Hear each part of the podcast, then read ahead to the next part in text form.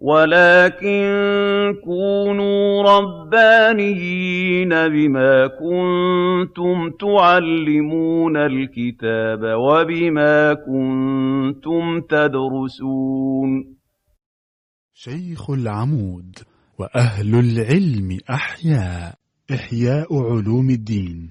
المحاضرة الرابعة والثلاثون. بسم الله الرحمن الرحيم. الحمد لله رب العالمين والصلاة والسلام على سيدنا رسول الله محمد الصادق الوعد الأمين وعلى آله وصحبه وسلم تسليما كثيرا طيبا مباركا فيه إلى يوم الدين.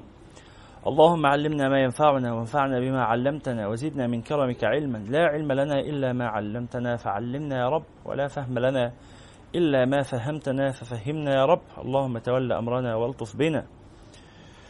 وآتنا من لدنك رشدا وآتنا من لدنك مرفقا وآتنا من لدنك يسرا هيئ لنا من أمرنا رشدا هيئ لنا من أمرنا مرفقا اجعلنا من الصالحين المصلحين.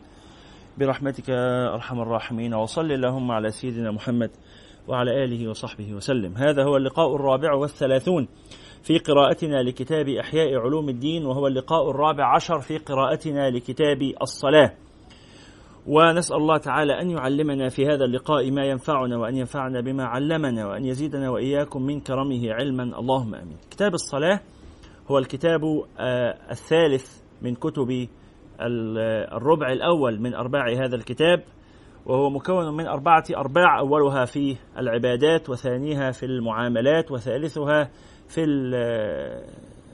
في المهلكات ورابعها في المنجيات. فأما العبادات والمعاملات فهما شأن الظاهر وأما المهلكات والمنجيات فهما شأن الباطن. وجعل كل قسم من هذه الأقسام الأربعة في عشرة كتب فقسم العبادات بدأ بكتاب قواعد بدأ بكتاب العلم ثم كتاب قواعد العقائد ثم كتاب الطهارة ثم كتاب الصلاة فهو رابع الكتب وهو الذي نواصل قراءته. وكتاب الصلاة يتكون من سبعة أبواب. قرأنا في اللقاءات الثلاثة عشر السابقة خمسة أبواب منها ونبدأ الآن إن شاء الله في قراءة ومدارسة الباب السادس. وهو باب في مسائل متفرقة تعم بها البلوى ويحتاج المريد إلى معرفتها يعني إيه تعم بها البلوى؟ البلوى مش مش معناها المصيبة إنما البلوى معناها الاختبار. ها ليبلوكم أيكم أحسن عملا يعني يختبركم. فالمسائل التي تعم بها البلوى يعني شاعت وذاعت بين الناس. فهذه لا بد من معرفتها. لما تبقى المسألة شائعة لازم تعرف أحكامها. إحنا في كتاب العلم زي ما قلنا قبل كده وقرأنا وعرفنا إنه العلوم منها ما لا يستغنى عنه ومنها ما يستغنى عنه. وما لا يستغنى عنه لا يستغنى عنه على مستوى الأمة ولا يستغنى عنه على مستوى الفرد. فما لا يستغنى عنه على المستوى الفردي اللي هي إيه؟ العلوم التي تعلمها فرض عين. التي لا تصح العبادة إلا بها لا تصح المعاملة إلا بها. فهذه لا يستغني الفرد عنها. وهناك أشياء يستغني الفرد عنها لكن لا تستغني الأمة بمجموعها عنها.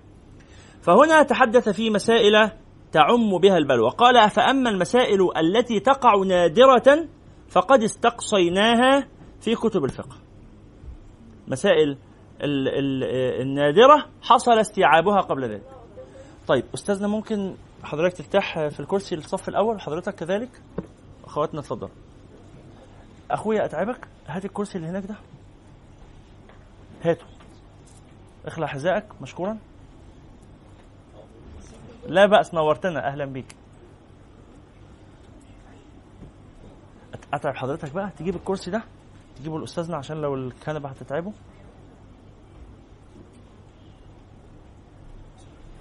حضرتك لو تحب تكون على الكرسي لو ده أريح لحضرتك. شوف يعني كلاهما متاح. لو الكرسي أريح كون عليه. المهم حضرتك تكون مرتاح يعني. تنورنا أهلا وسهلا. سعداء بوجود حضرتك. صلوا على النبي. صلى الله عليه وعلى آله. نكمل. قال فأما المسائل التي تقع نادرة فقد استقصيناها في كتب الفقه. يعني آه لن يتعرض هنا للمسائل النادرة. فقال مسألة تتعلق بأفعال المصلي وحركاته في الصلاة صحة وفسادا لو حد بيصلي يا جماعة؟ ها؟ بصوا معايا كده. أثناء ما هو بيصلي سمع دوشة حواليه فقام بص كده ناحية اليمين لورا. لا مفيش حاجة. قام بص قدامه وكمل صلاة تاني. صلاته صحيحة ولا باطلة؟ صلاته صحيحة. ليه صلاته صحيحة؟ عشان لم يتحول بصدره عن القبلة. لم يتحول بصدره عن القبلة. طب لا ده لف بقى بجسمه كله بص فيه إيه؟ وقام راجع بجسمه تاني. يبقى في هذه الحالة صلاته باطل. طب الموبايل رن في جيبه فقام طلع التليفون شاف مين بيتصل قام إيه كنسل عليه وبعت له رسالة في واتساب قال له هخلص بس أنا بصلي هخلص صلاة ابقى اتصل بيك. ها؟ هذا العمل يبطل الصلاة أم لا يبطلها يبطل الصلاة. يبطل الصلاة. ناقص إيه بعت له voice note يعني يقول له أنا بصلي.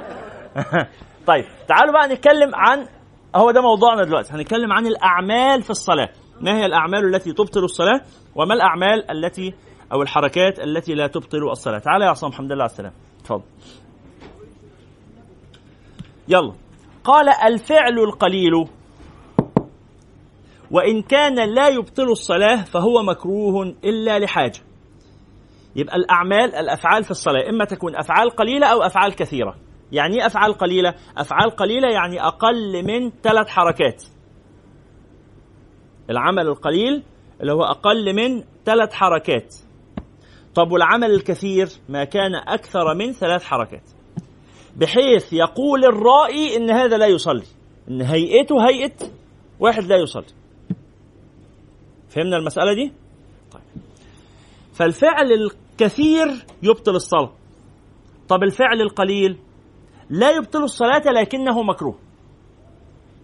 تمام؟ فقال الفعل القليل وإن كان لا يبطل الصلاة فهو مكروه إلا لحاجة. وذلك في دفع المار. واحد هيعدي من قدامك فت إيه تحط إيدك كده عشان ما يعديش. هذا مستحب. أو قتل عقرب يخافها في عقرب هتعدي من قدامك فتقتلها. طبعا. في حالتنا إحنا هنا في المدن ما تعودناش على الحشرات. فلو شفت عقرب في الصلاة أنت يعني إيه صلاتك هتبطل. وغالبا وضوءك يعني كمان احتمال يعني على حسب بقى إيه؟ على حسب حالك. على حسب حالك. فبنقول لو يعني لم يبطل وضوءك يبقى آه لا مانع من حركة قليلة. شفت صرصار قدامك ولا بتاع؟ مفيش مانع إنك شبشب وتديله فوق دماغه فار مثلا. ماشي؟ فتقوم إيه؟ تطلع السكينة اللي أنت شايلها أو السيف أو حاجة أنت الخنجر اللي أنت ربطه في وسطك وتضربه في رقبته. ضربه تقتله وتكمل صلاتك فهذه حركة خفيفة حركة قليلة.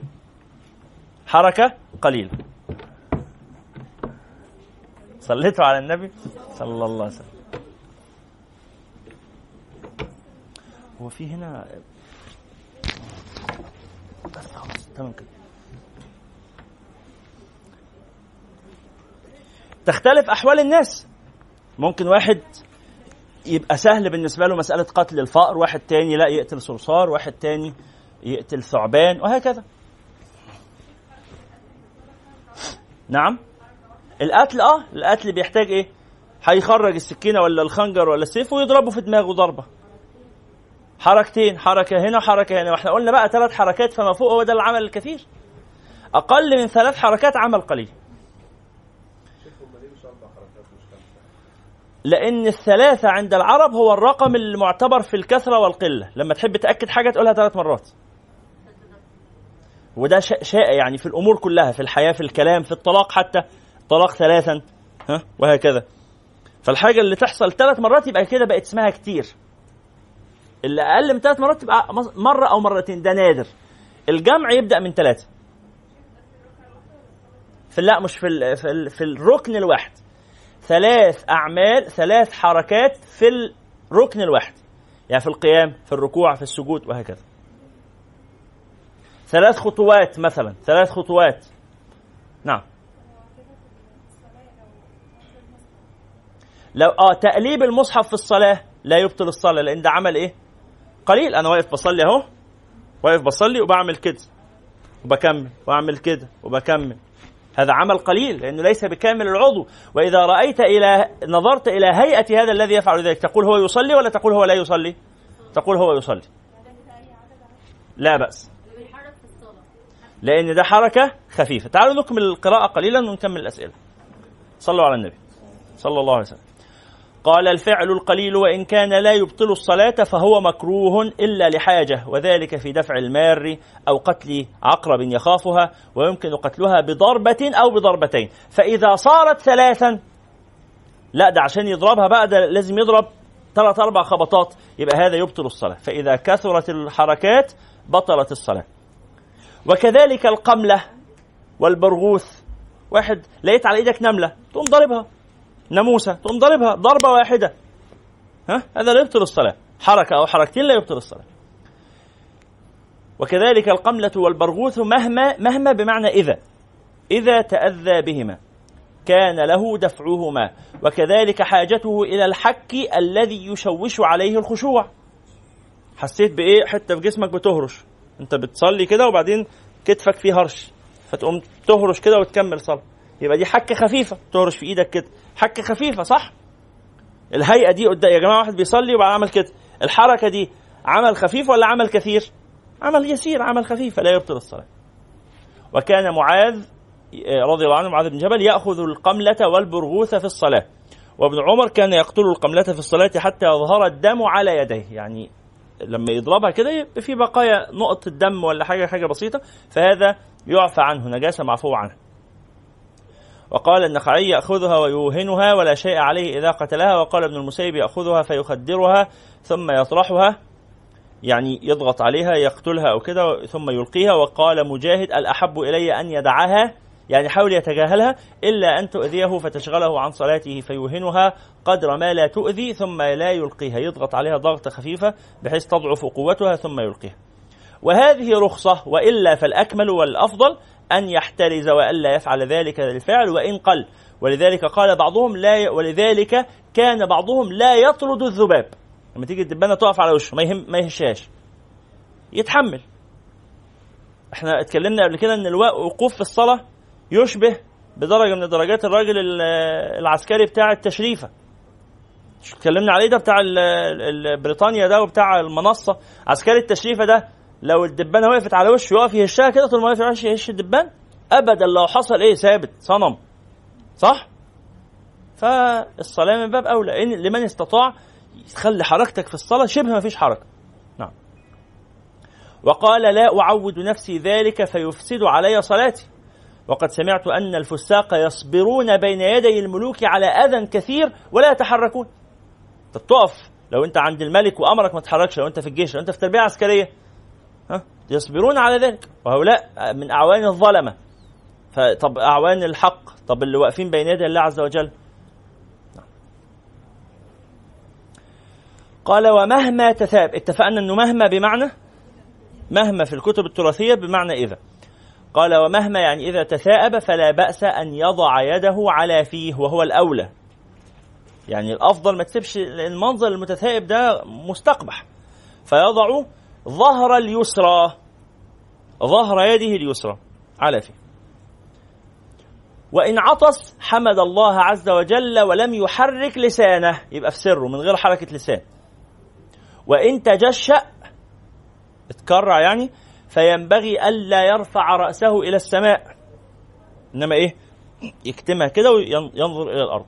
وإن سقط رداؤه لو لبس عباية ولا حاجة وقعت العباية من على كتفك فينبغي أن يسويه. يعني ما بقتش مستقيمة تقوم عادلها.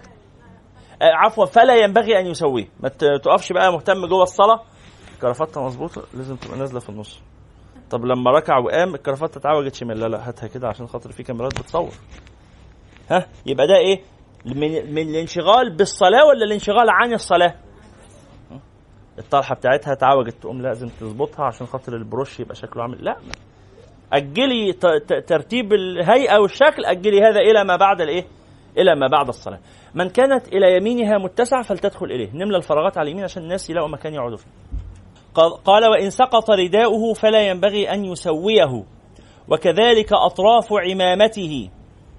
العمامة نزل منها عدبة أو حاجة زي كده، يقفش بقى يظبطها وهكذا. قال فكل ذلك مكروه إلا لضرورة. خلاص؟ حد عنده سؤال في الحركة في الصلاة؟ أي سؤال في الحركة؟ نعم. المتثائب يجعل ظهر يده اليسرى فيكتم بها أو يغطي بها فمه المنفتح. نعم. نعم النبي صلى الله عليه وسلم قال من من تثاب فليجعل يده إلى فيه. فإن ذلك من الشيطان. آه، دي هيئة فعل النبي صلى الله عليه وسلم. نعم هيئة فعل النبي صلى الله عليه وسلم لما مثلا حد بياخد من الصف وبيحركونا ساعات بنحرك أكتر من ثلاثة آه المساله دي مهمة قوي طب أنا بصلي وأحيانا تفضى فراغات في الصف اللي قدامي ولا تفضى فراغات جنبي أو بتاع فيشدوني عشان أكمل الصف. ما تروحش معاهم اثبت مكانك هنا عنوانك. تتحركش معاهم لأن الحركة أكتر من خطوتين تبطل الصلاه تعالى يا اخويا اتفضل. الحركة أكتر من خطوتين تبطل الصلاه يعني أسيب فراغ في الصف؟ آه لا يضر. مش إحنا بنصلي في المسجد؟ طب بيزقوا بالعافية. اخرج من الصلاة وقول له عايز إيه؟ انت انت بتعمل كده ليه دلوقتي؟ ما هلا أصل المساجد مش العنف يعني ما هوش يعني انت شدتني لقيتني ما بتحركش معاك. سيبني خلاص. معلش يستغفر الله وندعي لهم وخلاص. هنعمل المساجد فيها حاجات كتيرة غريبة بسبب قلة العلم. بسبب للأسف قلة العلم. يعني ما أنا كنا في مكة وبنصلي في مسجد مش في المسجد الحرام في مسجد آخر. وبعدين في صلاة العصر. وبعدين جت جماعة بعد يعني كان المسجد واسع. ففي جماعة. وبعدين دخلوا ناس ما خدوش بالهم إن في جماعة قائمة فعملوا جماعة تانية. أنا دخلت المسجد لقيت في جماعة آه، ناحية الباب. أنا ما خدتش بالي إن في جماعتين. لقيت في جماعة عند الباب. فوقفت صليت مع الجماعة اللي عند الباب. قام قام واحد من اللي قاعدين في المسجد يا ناس يا اللي بيصلوا ورا. عرفت إنه مصري. أيوه هو الدخلة دي بالزعيق ده يعني جميل يعني. يا ناس يا اللي بيصلوا ورا في صلاة قدام وكده صلاتكم باطلة. أنا جوه الصلاة عايز أقول له يا حاج صلاتنا مش باطلة ولا حاجة سيبنا نكمل الصلاة عشان ما تبطليش صلاتي. لأن لو رديت عليك هتبطل صلاتي. بس الحقيقة إن تكرر الجماعات في المسجد لا يضر ولا يبطل الصلاة. يجوز. لو تعمدوا إن هم ما يصلوش مع بعض يبقى حرام. لكن ما تعمدوش ما خدوش بالهم خلاص يبقى يجوز. لكن ده اخرجوا من الصلاة دلوقتي. قاموا الناس كملوا صلاة واضح إن إيه عندهم شيء من الفقه كملوا صلاة ما رضوش يخرجوا من الصلاة. فقام واقف لهم. لازم تخرجوا من الصلاة دلوقتي حالا. حرام اللي أنتم بتعملوه. لا حول ولا قوة إلا بالله. أم في ناس خرجوا من الصلاة وراحوا صلوا مع الجماعة الاولانيه في ناس كملوا في صلاتهم. طبعا لا يجوز إذا كانت صلاة فريضة لا يجوز الخروج من الفريضة. فلما رضوش يخرجوا فضل الراجل واقف يضرب كف في كف يقول لا حول ولا قوة إلا بالله كأن هم يعني إيه خربوا الدين. فمثل هذه الأشياء تعمل إيه؟ ليس لك إلا أن تدعو لهم وبعد ما تخلص صلاتك تبقى تعلمه. إن كان أهلا لأن يتعلم تقول له والله يا أستاذ يعني على حسب ما أنا درست أنا درست هذا الكلام في الحتة الفلانية في المدرسة الفلانية مع في المكان الفلاني مذهب الإمام الشافعي الإمام مالك على حسب أنت مذهبك إيه؟ يقول له والله هذا لا يجب. وخلاص. ما يعني آه للأسف للأسف. يعني آه، ما يا جماعة قلة العلم من كثر علمه قل إنكاره دايما كده. من كثر علمه قل إنكاره. اللي بينكر هو اللي ما يعرفش. يعني في مرة واحد داخل آه، كان مجموعة من الشباب بيصلوا هم فاردين إيديهم. مش حاطط اليمنى على اليسرى على الصدر بيصلي حاطط إيده جنبه. فقام دخل بص كده إيه ده شيعة دول ولا إيه؟ والله مانيش مصلي معاهم. ليه يا ابني شيعة؟ ليه عملوا إيه؟ أصل حاطين إيديهم جنبهم بيصلوا بطريقة غريبة. لا دي مش طريقة غريبة ده مذهب الإمام مالك رضي الله تعالى عنه وارضاه مذهب الإمام مالك. مذهب يعني الإمام مالك ده كان شيعي ولا؟ مذهب من أكبر مذاهب أهل السنة المتبعة في العالم. بقى يخالف سنة النبي. لا ما بيخالفش سنة النبي. هي دي سنة النبي. إنه ورد هذا عن رسول الله صلى الله عليه وسلم. دي مسألة طويلة بقى أنتم يعني بما سبق لكم من دراسة الفقه تعرفونها. فبشكل عام كده لا تنكر إلا إذا كنت تعلم. وإحنا هناخد ده هندرس ده إن شاء الله بالتفصيل في كتاب الأمر بالمعروف والنهي عن المنكر. أحكام الأمر بالمعروف وأحكام النهي عن المنكر. لا يجوز النهي عن المنكر إلا إذا علمت أنه منكر بالإجماع. المسألة حرام بالإجماع. طب لو مذهبك بيقول إنها حرام بس احتمال يبقى فيها خلاف تعمل إيه؟ والله أنا عارف إن ده ما ينفعش فأروح أقول له في حدود ما أعلم ده غلط روح اسأل. يبقى أنت ما بتنكرش إنما أنت بت إيه؟ بتلفت النظر. لقيتي واحدة بتصلي مثلا واحدة بتصلي ورجلها مكشوفة. الصلاة دي إيه؟ باطلة. صح كده؟ مش ده مذهبنا؟ يا أيها السادة الشافعية ردوا عليا مش ده مذهبنا إن صلاتها باطلة؟ آه. روحي قولوا لها صلاه صلاتك باطلة. تخليها تخرج من الجامعة ما ترجعش تاني. طب حرام عليكي طب ما في مذهب بيقول إن صلاتها صحيحة. أنت ما تعرفيهوش. يبقى تعملي إيه؟ تروحي تقول له والله يا أختي ربنا يتقبل منك. ويعني بس أرجو إنك إيه؟ تراجعي تسألي شيخ في مسألة أو تتعلمي. هو حكم إنك تصلي ورجلك باينة من تحت حلال ولا حرام؟ غلط ولا مش غلط؟ صح ولا روحي اسألي فيه فتبقى أنت عملتي إيه؟ نبهتيها إنها تسأل وما قطعتيش عليها الحكم. واحدة بتصلي ببنطلون ستريتش ضيق بنطلون آه، جينز ضيق. ها؟ ستات الجامع الكبار بقى ربنا يحفظهم ويبارك فيهم. إيه اللي مدخلكم الجامع بالمنظر ده؟ طب يا طنط حصل ولبسوا حاجة ضيقة. يصلوا ولا ما يصلوش؟ لا ما يصلوش ما يجوش هنا. الجامع مش يعني يا طنط نوديهم الديسكو طبعا عشان حضرتك تبقي مبسوطة. آه هم الديسكو أحسن لهم. طب شكرا يا طنط كتر خيرك. يعني ما ادخلوا يا بنات صلوا. حد يحبس لنا طنط دي في أي حتة لغاية أما البنات يصلوا. ما هو طنط الله يسامحها هي غيورة على الدين وكل حاجة لكنها بتعمل إيه؟ بتنكر المنكر بمنكر أكبر. آه حرام إن هم يلبسوا بنطلون ضيق صح متفقين. بس حصل ولبسوه يصلوا ولا ما يصلوش يا طنط؟ طب صلاتهم صحيحة ولا باطلة؟ صلاتهم صحيحة. صلاتهم صحيحة. ها؟ بنلاقي بعض البنات تقول إيه مثلا لا ما ينفعش أصلي دلوقتي عشان لابسة بنطلون. لا تصلي. صلي وتاخدي بالك بعد كده تبقي تلبسي لبس واسع. حتى لو مفصل. صلاة مكروهة لكنها صحيحة. الصلاة بالثياب الضيقة مكروهة مع الصحة. تعالى في كرسي اتفضل. صليتوا على النبي؟ صلى الله عليه وعلى آله وصحبه وسلم. نعم. نعم. واحدة صاحبتي. أنبهها.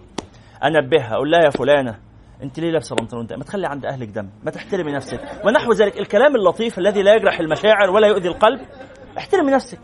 ما تبطلي بقى قلة الأدب اللي انت فيها دي. ونحو ذلك من الكلام الرقيق من غير ايذاء للمشاعر. ده أهم حاجة. وتنصحيها بس منا ورحاب بطلوا دوشة. ماشي حاطة مناكير المناكير يبطل الوضوء. المناكير يبطل مش ما يبطلش الوضوء لا يمنع صحة الوضوء. طبعا الفرق كبير بين الجملتين. يبطل الوضوء جملة غلط. هو ما يبطلش الوضوء. يعني لو اتوضت وبعدين حطت مناكير وضوءها لم يبطل. بس لما تيجي تتوضا تاني الوضوء التاني ده لا يصح. يبقى يمنع من صحة الوضوء. طب انت لقيتي واحدة بتتوضا وهي حاطة مونيكير تعملي إيه؟ تروحي تقولي لها والله في حدود ما درست وتعلمت انه المونيكير يمنع صحة الوضوء بالإجماع. المسألة دي متفق عليها. أنا بقول لكم أهو إن دي إجماعية. يبقى لو في مسألة فيها إجماع هنقول إن فيها إجماع. فيها خلاف؟ ما بنقولش بقى فيها خلاف أو فيها إجماع بنسكت عليه. يبقى لو أنت مش عارفة أو لو حضرتك مش عارف إن المسألة فيها إجماع وذهبت تنكر يبقى تنكر وتقول إيه؟ في حدود ما أعلم. طب إذا كنت تعلم إن فيها إجماع برضه تقول في حدود ما أعلم إن فيها إجماع.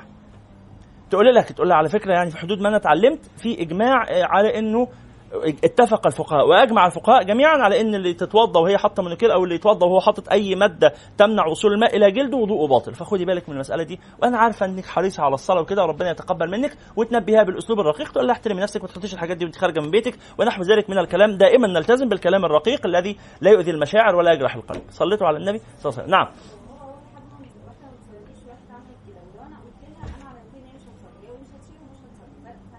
تقول لها طبعا صلاتها باطلة. يعني واحدة بتصلي من غير وضوء وأنا على يقين إن أنا لو قلت لها لازم تتوضي قبل ما تصلي هتبطل صلاة. أسيبها تصلي من غير وضوء؟ لا صلاتها باطلة. ما هي كده ما بتصليش.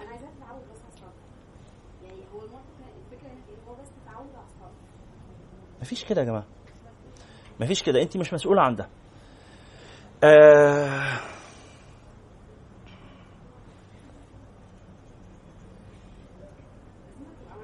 في ناس راحوا للنبي صلى الله عليه وسلم وقالوا يا رسول الله نسلم ونشرب الخمر. إحنا مش هنبطل شرب الخمر. نسلم ونش... وأنا إيه؟ ونشرب الخمر. فرخص لهم في ذلك. رخص لهم. قال ماشي. مهمة إيه؟ أهو طلع بلا إله إلا الله. ده حاجة عظيمة فقال الفقهاء جميعا إن هذا خاص برسول الله صلى الله عليه وسلم ولا ينبغي لأحد من بعده. إن لو جه حد بعد كده وقال لك أنا هأسلم بشرط ألا أن أظل أشرب الخمر وإن شرب الخمر يبقى حلال في حقي. تقول له حلال وحرام دي أنا ما أملكهاش. تقول له حلال وحرام أنا ما أملكهاش. اسلم. حتى هتشرب الخمر بس هتشرب الخمر وهتبقى حرام. قال لك لا أنا عايز أشرب الخمر وتبقى حلال في حقي. تبقى بالنسبة لي حلال. أقول له ما أقدرش مش بتاعتي.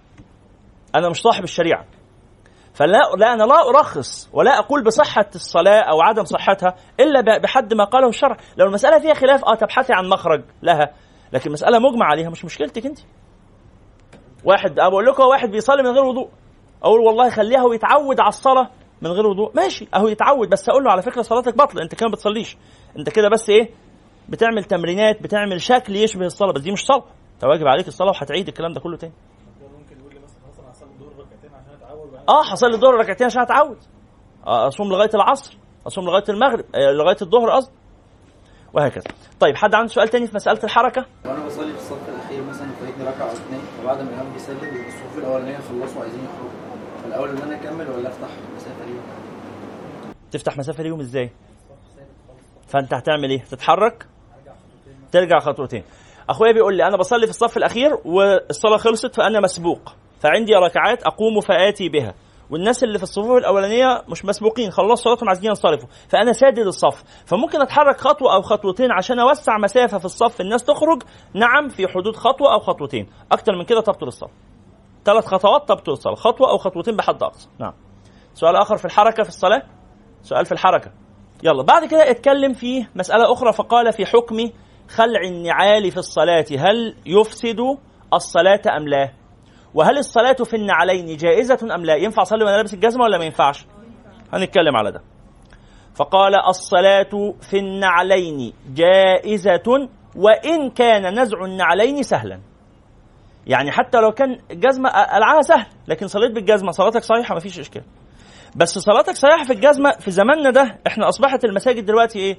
آه فيها سجاد وحاجات زي كده، فلو دخلت على السجاد ده بجزمتك تفسده تفسده وتلوثه وتؤذي الناس فلا تفعل ذلك. ما تدخلش سيبيني أكمل بعد نسمع الأسئلة. فلا تدخل إلى السجاد وال- وال- والكلام الفرش المهيئه لا تدخل إليها بالحذاء لأن هذا يؤذي إخوانك من المصلين. لكن إحنا في جنينة في في رحلة مع بعض في الصحراء في أي مكان مفتوح وأنت لابس الجزمة ينفع تصلي وأنت لابسها؟ آه ينفع. حتى لو أنا متأكد إن الجزمة فيها آه، قاذورات من الطريق لا. لو أنت متأكد إن الحذاء يحمل النجاسة يبقى يجب أن تخلعه قبل الصلاة. طب لا مفيش نجاسة مفيش فضلات مفيش براز مفيش بول لكن في آه تراب. مش مشكلة التراب طاهر. التراب طاهر ولا إشكال فيه. فقال الصلاة في النعلين جائزة وإن كان نزع النعلين سهلا. وليست الرخصة في الخف لعسر النزع. يعني النبي صلى الله عليه وسلم لما صلى في النعل وقال صلوا في نعالكم مش عشان صعب, صعب تتقلع مش عشان صعب تتقلع لا حتى لو كان سهل تتقلع. قال بل هذه النجاسة معفو عنها. لو فيها نقطة ولا حاجات نجاسة قليلة كده لا يدركها الطرف معفو عنها. وفي معناها المداس أو المداس. أعزكم الله. المداس اللي هو الجزمة اللي ليها جوانب وغطا وملهاش كعب ملهاش ظهر. اللي هي السابو اللي هي الكروكس اللي هي ونحو ذلك. اللي ملهاش إيه؟ ملهاش كعب من ورا. بتبقى من قدام بس.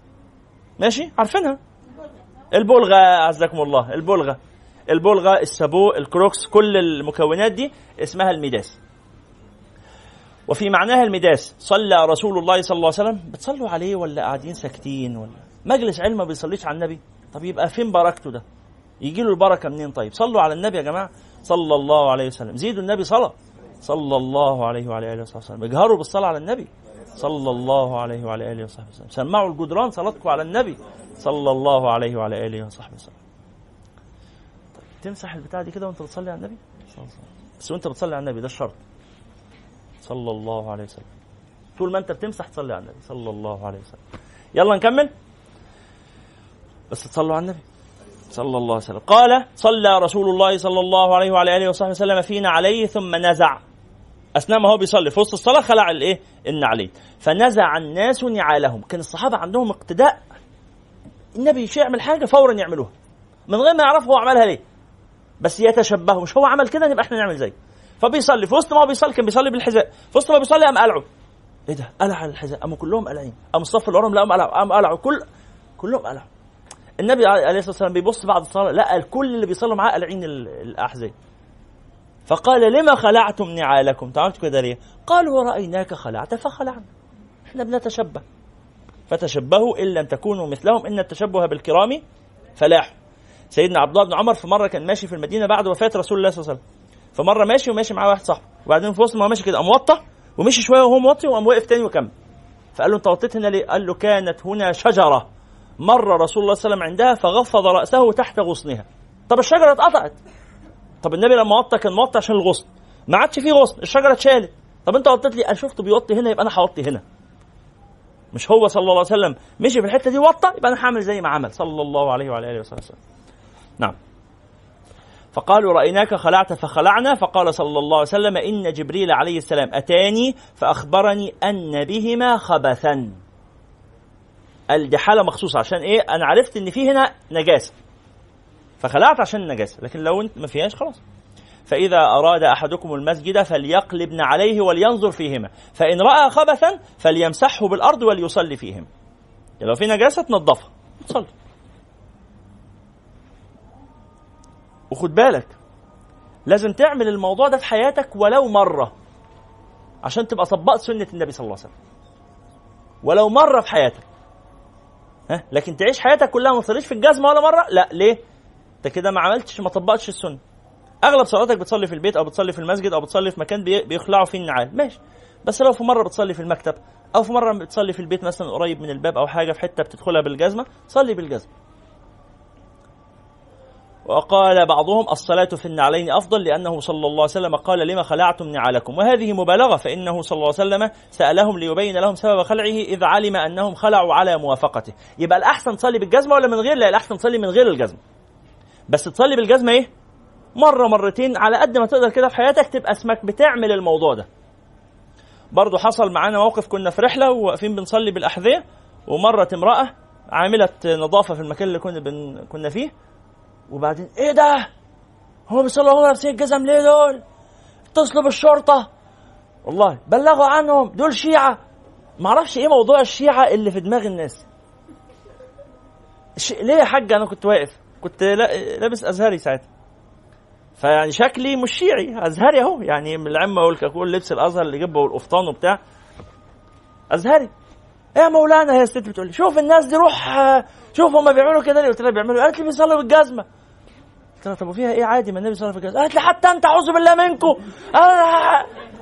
لقيتها إيه هتقلب علي قلت لها لا لا أنا أنا غلطت حقك عليا. هروح أنبههم. حاضر دلوقتي. ما أنت هتقف تعلمها صعب. هي منفعلة ومش هتسمح إيه بسياق تعليم يعني. هي منفعلة فخلاص اعتذرت لها وانصرفت يعني. فإيه فأشيعوا هذه السنة وعرفوا الناس إن عادي ما فيهاش حاجة. طالما الجزمة نظيفة ما فيهاش حاجة. وقد روى وقد روى عبد الله بن السائب أن النبي صلى الله عليه وسلم صلوا على النبي صلى الله عليه وسلم خلع عليه. فاذا قد فعل كليهما آه يعني إيه صلى بالنعل وصلى بدون نعل فمن خلع فينبغي ألا يضعهما عن يمينه ويساره فيضيق الموضع ويقطع الصف. لو أنت بتصلي في صف ومعاك الجزمة بتاعتك ها تحطها على يمينك تعمل فاصل ما بينك واللي واقف على اليمين لا. أو تعمل فاصل بينك واللي واقف على الشمال لا. أمال تعمل إيه؟ تضعها بين رجليك. تضعها بين رجليك أو تضعها أمامك بحيث تبقى إيه؟ قبالة صدرك. فينبغي ألا يضعهما عن يمينه وعن يساره فيضيق الموضع ويقطع الصف بل يضعهما بين يديه ولا يتركهما وراءه فيكون قلبه ملتفتا إليهما آه دي من مسألة مهمة صلوا على النبي يكره شوفوا الحكم ده يكره وضع الأحذية على باب المسجد خصوصا إذا كان حذاء غاليا ليه؟ لأنك هتصلي وأنت مشغول تاخد ولا لأ؟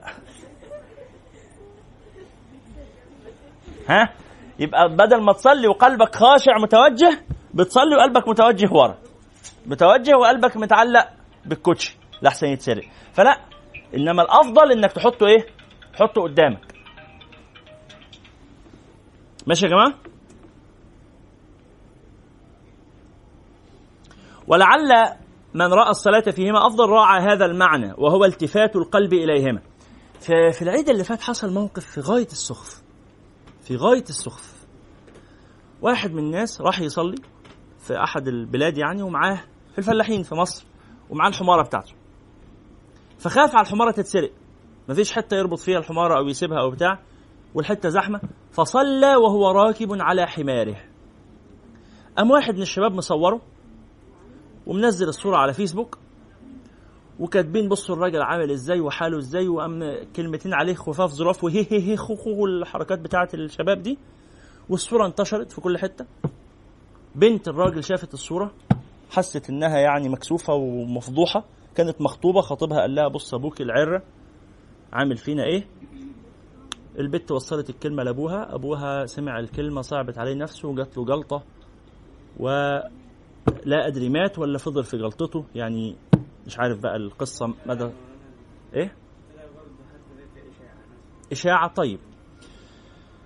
بغض النظر بقى من الراجل حصل له إيه افترض انه ما حصلوش حاجة. بس الموقف نفسه اللي هو التشهير بالراجل الراجل وشه واضح وتريقة عليه. ما حصلوش حاجة. بس أبسط حاجة ما اتحركش في وسط الناس؟ ما اتكسفش؟ الناس ضايقوه؟ طلع متضايق؟ أقول لكم على حديث خطير جدا قلناه قبل كده في مجالس الحديث وهفكركم بيه تاني. لما سيدنا أبو بكر راح وحصل موقف كده بينه وبين سيدنا بلال وسيدنا آه عمار وبعض الصحابة فقام رد عليهم. فقام النبي قال له إيه؟ قال لعلك أغضبتهم. أوعى تكون. لعلك أغضبتهم. إن كنت أغضبتهم لقد أغضبت ربك. ده سيدنا أبو بكر الصديق. اللي يغضب إخوانه الله يغضب عليه. لذلك قالوا إيه؟ اكسر يدك. اكسر قدمك اكسر رأسك ولا تكسر قلب أخيك. إلا كسر الخواطر. لأنه كسر القلب صعب. فلا تكسر قلب إنسان. لا تكسر قلب مسلم. لا تكسر قلب أخيك مهما كانت الأحوال. الراجل هذا الذي صلى على الحمار صلاته صحيحة. ولا بأس بها ولا كراهة ولا حاجة خالص. ولا بها من البأس شيء. والنبي صلى الله عليه وسلم صلى على ناقته وصلى على دابته وصلى على فرسه وصلى على بغلته وطاف بالبيت على دابته. طاف بالبيت وهو راكب بعيره صلى الله عليه وسلم. ليدل الناس إلى جواز هذا. فصلاة النافلة على الدابة جائزة إنما ما ينفعش صلاة الفريضة على الدابة لكن صلاة النافلة على الدابة جائزة. فالراجل صلى النافلة صلاة العيد دي صلاة نافلة. ما عملش حاجة غلط ما عملش حاجة حرام. بس الناس مغرمين ما الحمد لله ربنا رازق كل واحد بكاميرا وتليفون ووصلة نت. ألقط وصور وافضح الناس ويكتب أي كلام واتريق عليهم. ما عملوش حاجة غلط بس اتريق عليهم وخلاص. أي حاجة. اتريق على اللي هو بص الراجل لابس نظارة. ها شوف شكل نظارته غريب إزاي. صور. فانتبه في مثل هذا. إذا رأيت مثل هذا فأنكره وارفضه واستقبحه وإياك ثم إياك ثم إياك من السخرية على أخيك ولو مازحا حتى لو بتهزروا. ما تهزروش بالتريقة على بعض يا جماعة. طب إحنا شلة أصحاب في بعض وعادي بنتريق على بعض وإحنا هو ده يستاهل التريقة وبيحب التريقة مفيش حد بيحب التريقة. حتى لو كان هزار. هو بيضحك معاكوا عشان يجاريكوا عشان ما يبقاش محرج لكن هو من جواه بتترك في نفسه شيء. ما تتريقش على حد. ولو لقيت صحابك بيتريقوا حتى لو بهزار وصاحبك بيضحك عليهم بيضحك على نفسه. آه، امنعهم من هذا. حتى أقول لك على حاجة لو هو بدأ يتريق على نفسه اعمل إيه؟ ما تضحكش. إيه يعني إيه اضحك بظرف وبعدين اقلب الموضوع. يقول لك بص الهبل اللي أنا فيه تقول له لا يا عم ده ده ذكاء. يا عم ده أنت عشان نبيه بس. يقول لك بص شكل النضارة اللي أنا لابسها. بص شكل التيشيرت اللي أنا لابسه. ويقعد يتريق على نفسه. لما تلاقيه بيتريق على نفسه هو ممكن محرج. عارفين المسألة دي يا جماعة؟ لما يرفع الحرج عن نفسه بإنه يبدأ بالسخرية قبل ما حد يسخر منه. فتقوم أنت تعمل إيه؟ ترفع عنه الحرج وتقول لا ليس في الأمر ما, يدعو للسخريه فلا لا دي شكلها جميل. ده, ده حلو خالص ده تيشيرت جميل ده نضاره حلوة ده وهكذا. فلا تسمح لنفسك قط أن تشارك في السخرية من إنسان. يبقى مرة تانية اللي بيصلي ممكن يكون خايف على الجزمة بتاعته تتسرق فبيصلي على باب الجامع بره عشان لو لو دخل مش هيلاقي حتة يحط فيها الجزمة أو لو حطها في حتة ممكن تتسرق منه فواقف يصلي على الباب بره عشان ما تتسرقش. يقوم إيه؟ أهل المسجد بقى اللي إيه متخيلين إن ربنا سبحانه وتعالى خلق الرحمة ليهم لوحده.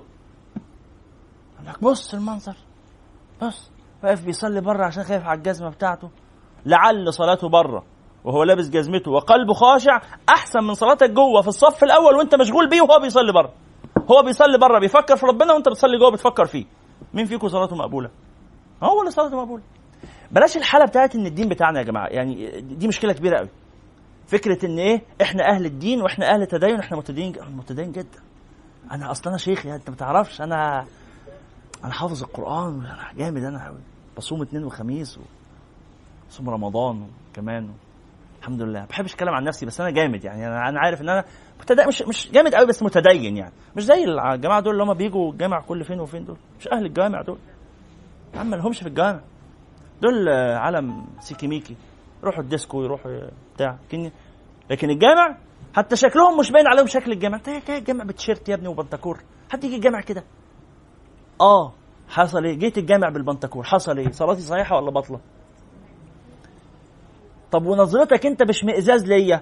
تبطل صلاتك وأنا صلاتي الحمد لله صحيحة وببص له كان مبتسم بس خلاص.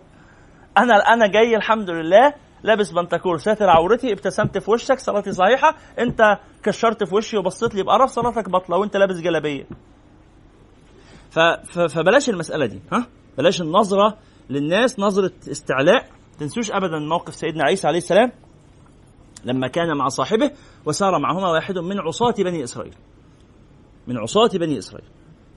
فأم آه، آه، آه، العاصي ده قال في نفسه من أنا حتى أسير مع عيسى بن مريم وصاحبه.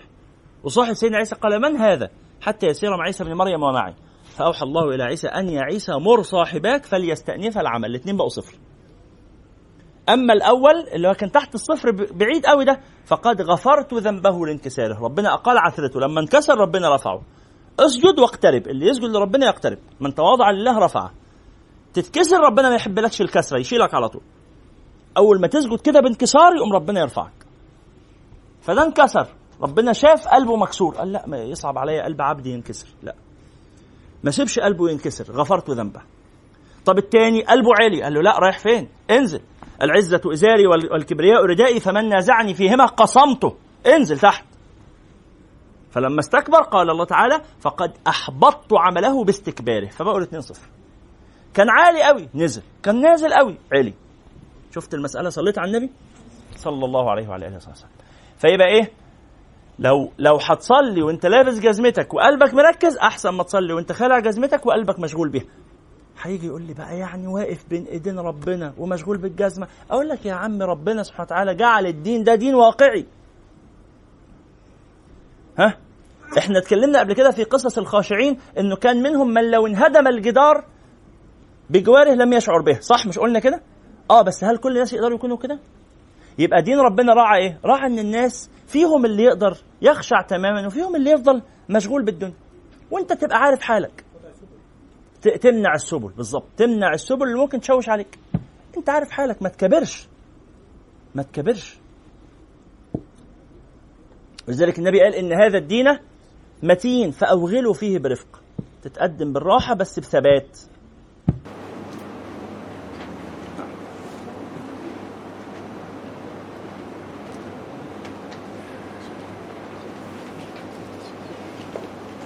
قال صلى الله عليه وسلم إذا صلى أحدكم فليجعل نعليه بين رجليه.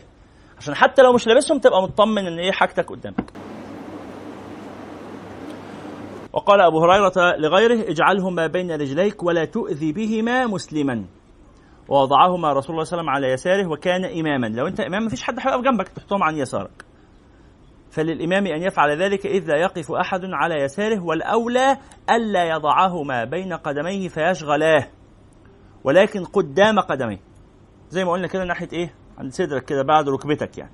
ولعل المراد بالحديث ولعله المراد بالحديث وقد قال جبريل بن مطعم وضعوا الرجل نعليه بين قدميه بدعة. تحط الجزمة بين رجليك بالظبط فاهمين المسألة؟ لما تحطهم ما بين رجليك مش ابقى واقف مظبوط لما تيجي تسجد المفروض في السجود تقرب رجليك من بعض. مش تعرف تعمل هيئه السنة.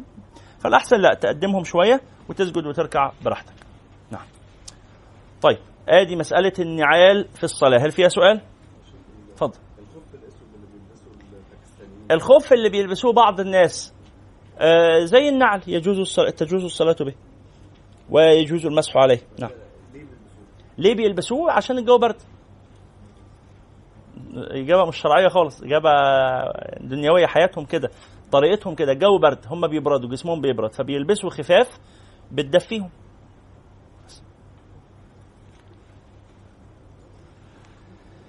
سؤال في ال في الايه في ال في ال في النعل. سؤال في النعل؟ طيب. هو السؤال ما كانش في النعل كان في يلا. بسأل عن الطفل. هو أنا لو يعني حمل الطفل في الصلاة إن كان فيه نجاسة يبطل الصلاة. لو الطفل لو البامبرز بتاعه فيه نجاسة يبقى هذا يبطل الصلاة. طب لا أنا لسه مغير له حالا. لسه مغير له حالا. أنا متأكدة إن البامبرز نظيف تشيليه وتصلي بيه. مفيش مشكلة ولو هو طلع عليا وأنا بصلي نفس الحكم. لو في نجاسة يبقى بنزله برفق مش برزعه مش انزل يا هتبطل لي الصلاة. ما اعملش كده. حرام عليك. ربنا يحفظه ويبارك فيه. ابنها ده يعني بنحبه ولد جميل. فما تعمليش في الولد كده إيه؟ لو انت مش عارف تنزله برفق. في في الحالتين أنا أنا شاكك. احتمال يبقى فيه نجاسة. الاغلب ان الصغار لا يتحرزون عن النجاسة. يعني بعد ما تغير له خمس دقائق هيبقى فيه. فتبقى عارف انك بعد ما تغير له خمس دقائق هيبقى فيه نجاسة. فيبقى انت إيه؟ تنزله من عليك برفق. وده لا يبطل يعني آه. نعم. ال- ال- الشخص اللي بيصلي بقى اللي هو ذبح قبل الصلاة. ويعني كانت في ست قبل كده كانت بتصلي كانت يعني جزمتها هي بتصلي بالجزمة بس فيها دم. آه الدم الدم والنقطة والنقطتين من الدم ما لم يكثر ما لم يفحش يبقى يعفى عنه. خمس ست نقاط طرطشة كده يعفى عنه. نعم. نعم.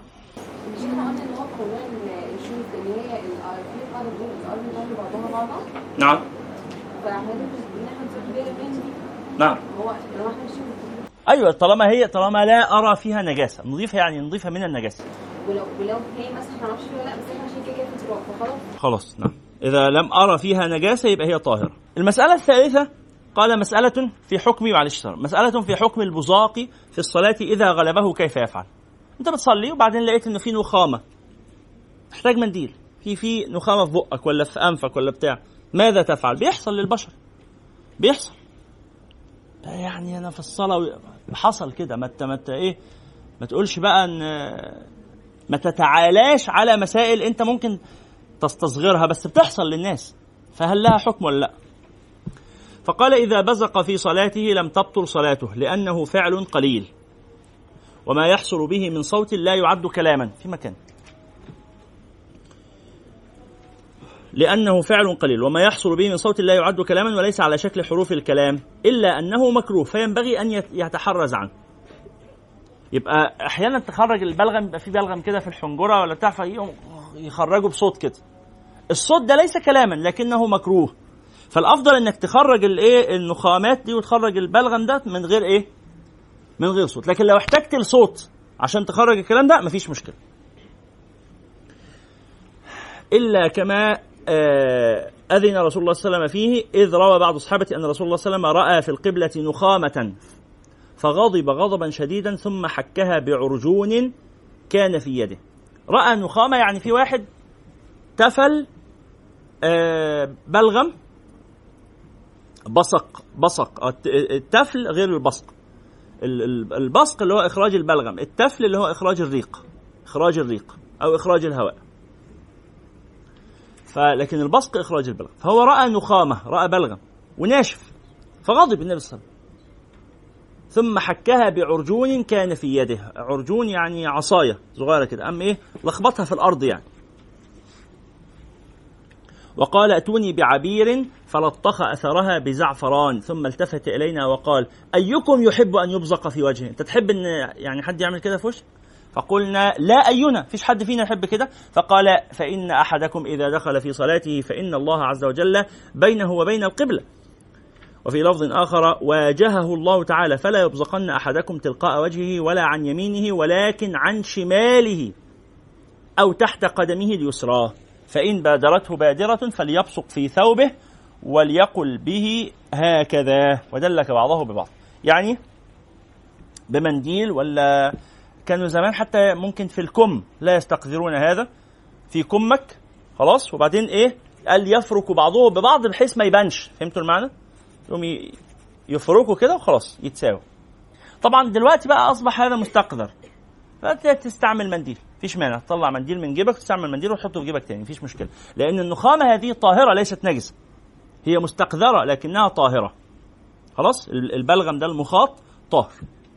في سؤال في استعمال المنديل أو كده؟ نعم. نفس الكلام عن الكحة.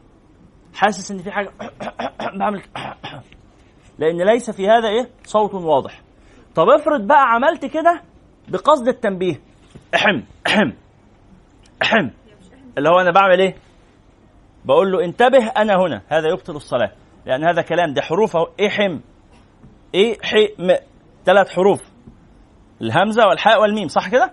فهذه حروف واضحة هذه تبطل الصلاة. لكن فيها صوت يشبه حرف الحاء لكن ليس هذا كلاما مستعملا بين الناس وبقصد الكحة أو بقصد تسليك الزور أو نحو ذلك فلا بأس كلنا هنكح كده وهنعدي بعض. يلا. ها الحاجات دي معدية. معدية يعني مش معدية عدوى حقيقية معدية إيحاء. يعني لما تلاقي حد بي بي عنده زغطة تحس إن ساعات يجي لك زغطة أو بيتاوب تلاقي نفسك بتتاوب وهكذا. يلا في سؤال؟ سؤال؟ طيب. أطلع المنديل وأستعمله وأرجعه تاني؟ دي حركة قليلة. حركة قليلة. نعم. تتحسب؟ إخراج المنديل؟ دي حركة. استعماله؟ دي حركة. وضعه في في الجيب؟ دي حركة. دي كده ثلاث حركات. فالثلاث حركات يبطلوا الصلاة. فإنما يخرجه ويستعمله ويجعله في يده. ثم بعد فترة عشان ما يبقاش الحركات متصلة بعد فترة لو طال القيام أو كده يبقى يحطه في جيبه بعدين. لا فترة فترة. لو الركن طويل حاجة زي القيام. إذا بيقرأ مثلا في صلاة في الصلاة التهجد أو بتاع يقرأ بجزء ولا؟ فإذا طال الوقوف اعتبر إيه؟ آه، كل اعتبرت الحركات المتصلة. اعتبر اتصال الحركات وانفصالها فثلاث حركات متصلة تبطل الصلاه لكن إن حصل انفصال لا تبطل الصلاه يعني ممكن يبقى ثلاثة ثلاثة ثلاثة. نعم. اثنين ثلاثة يبطل الصلاة. اثنين اثنين اثنين. آه. يعني اثنين مثلا في ركعة واثنين في السجود مثلا؟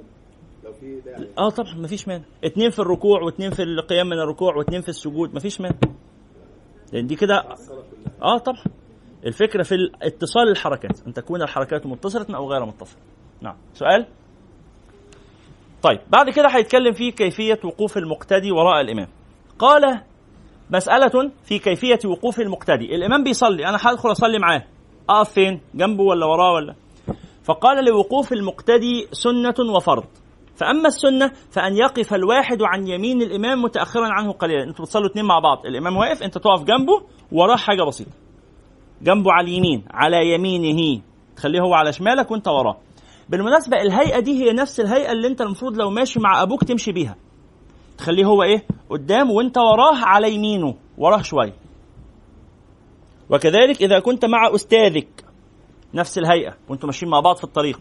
فيكره أن يسبق الرجل أباه أو أستاذه لما تكون ماشي مع أبوك أو مع أستاذك مكروه أنك تمشي قدامه لأن هذا من سوء الأدب كأنه هو اللي بيتبعك. وكذلك مع أمك نفس الحكم. إلا إذا كنت تسبقه لحاجة. يعني أنت سابق عشان خاطر تفتح له الباب. مش تمشي ورا ها يوم هو يفتح لك الباب وأنت تخرج كده زي البي... لا. يبقى إذا مشيت بين إذا مشيت أمامه وبين يديه تكون على هيئة الإيه؟ على هيئة الخادم. أنت تسبقه ليه؟ تنجز له امرا تفتح له الباب تطلع له العربية تفتح له باب العربية يعني تعمل له مصلحة. لكن لا إحنا ماشيين بس من غير حاجة يبقى تمشي فين؟ تمشي ورا.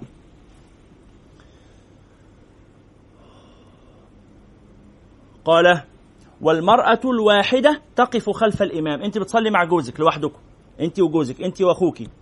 أنت وابنك. ابنك إمام أو جوزك أو أخوك أو كده. ما تقفيش جنبه. إنما إيه؟ خلفه. فإذا وقفت بجانب الإمام لم يضر. الصلاة صحيحة ولكن خالفت السنة. فإن كان معها رجل وقف الرجل عن يمين الإمام وهي خلف الرجل. يبقى اتنين رجالة وواحدة ست. الاثنين رجالة دي جنب بعض الإمام وعن يمينه المأموم ووراهم المرأة.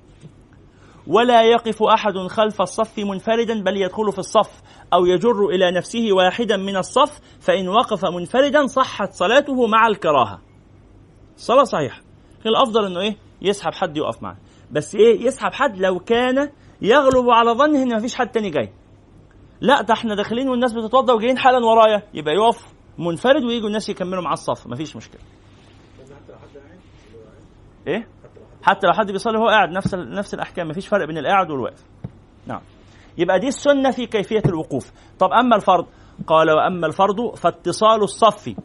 وهو أن يكون بين المقتدي والإمام رابطة جامعة. فإنهما في جماعة.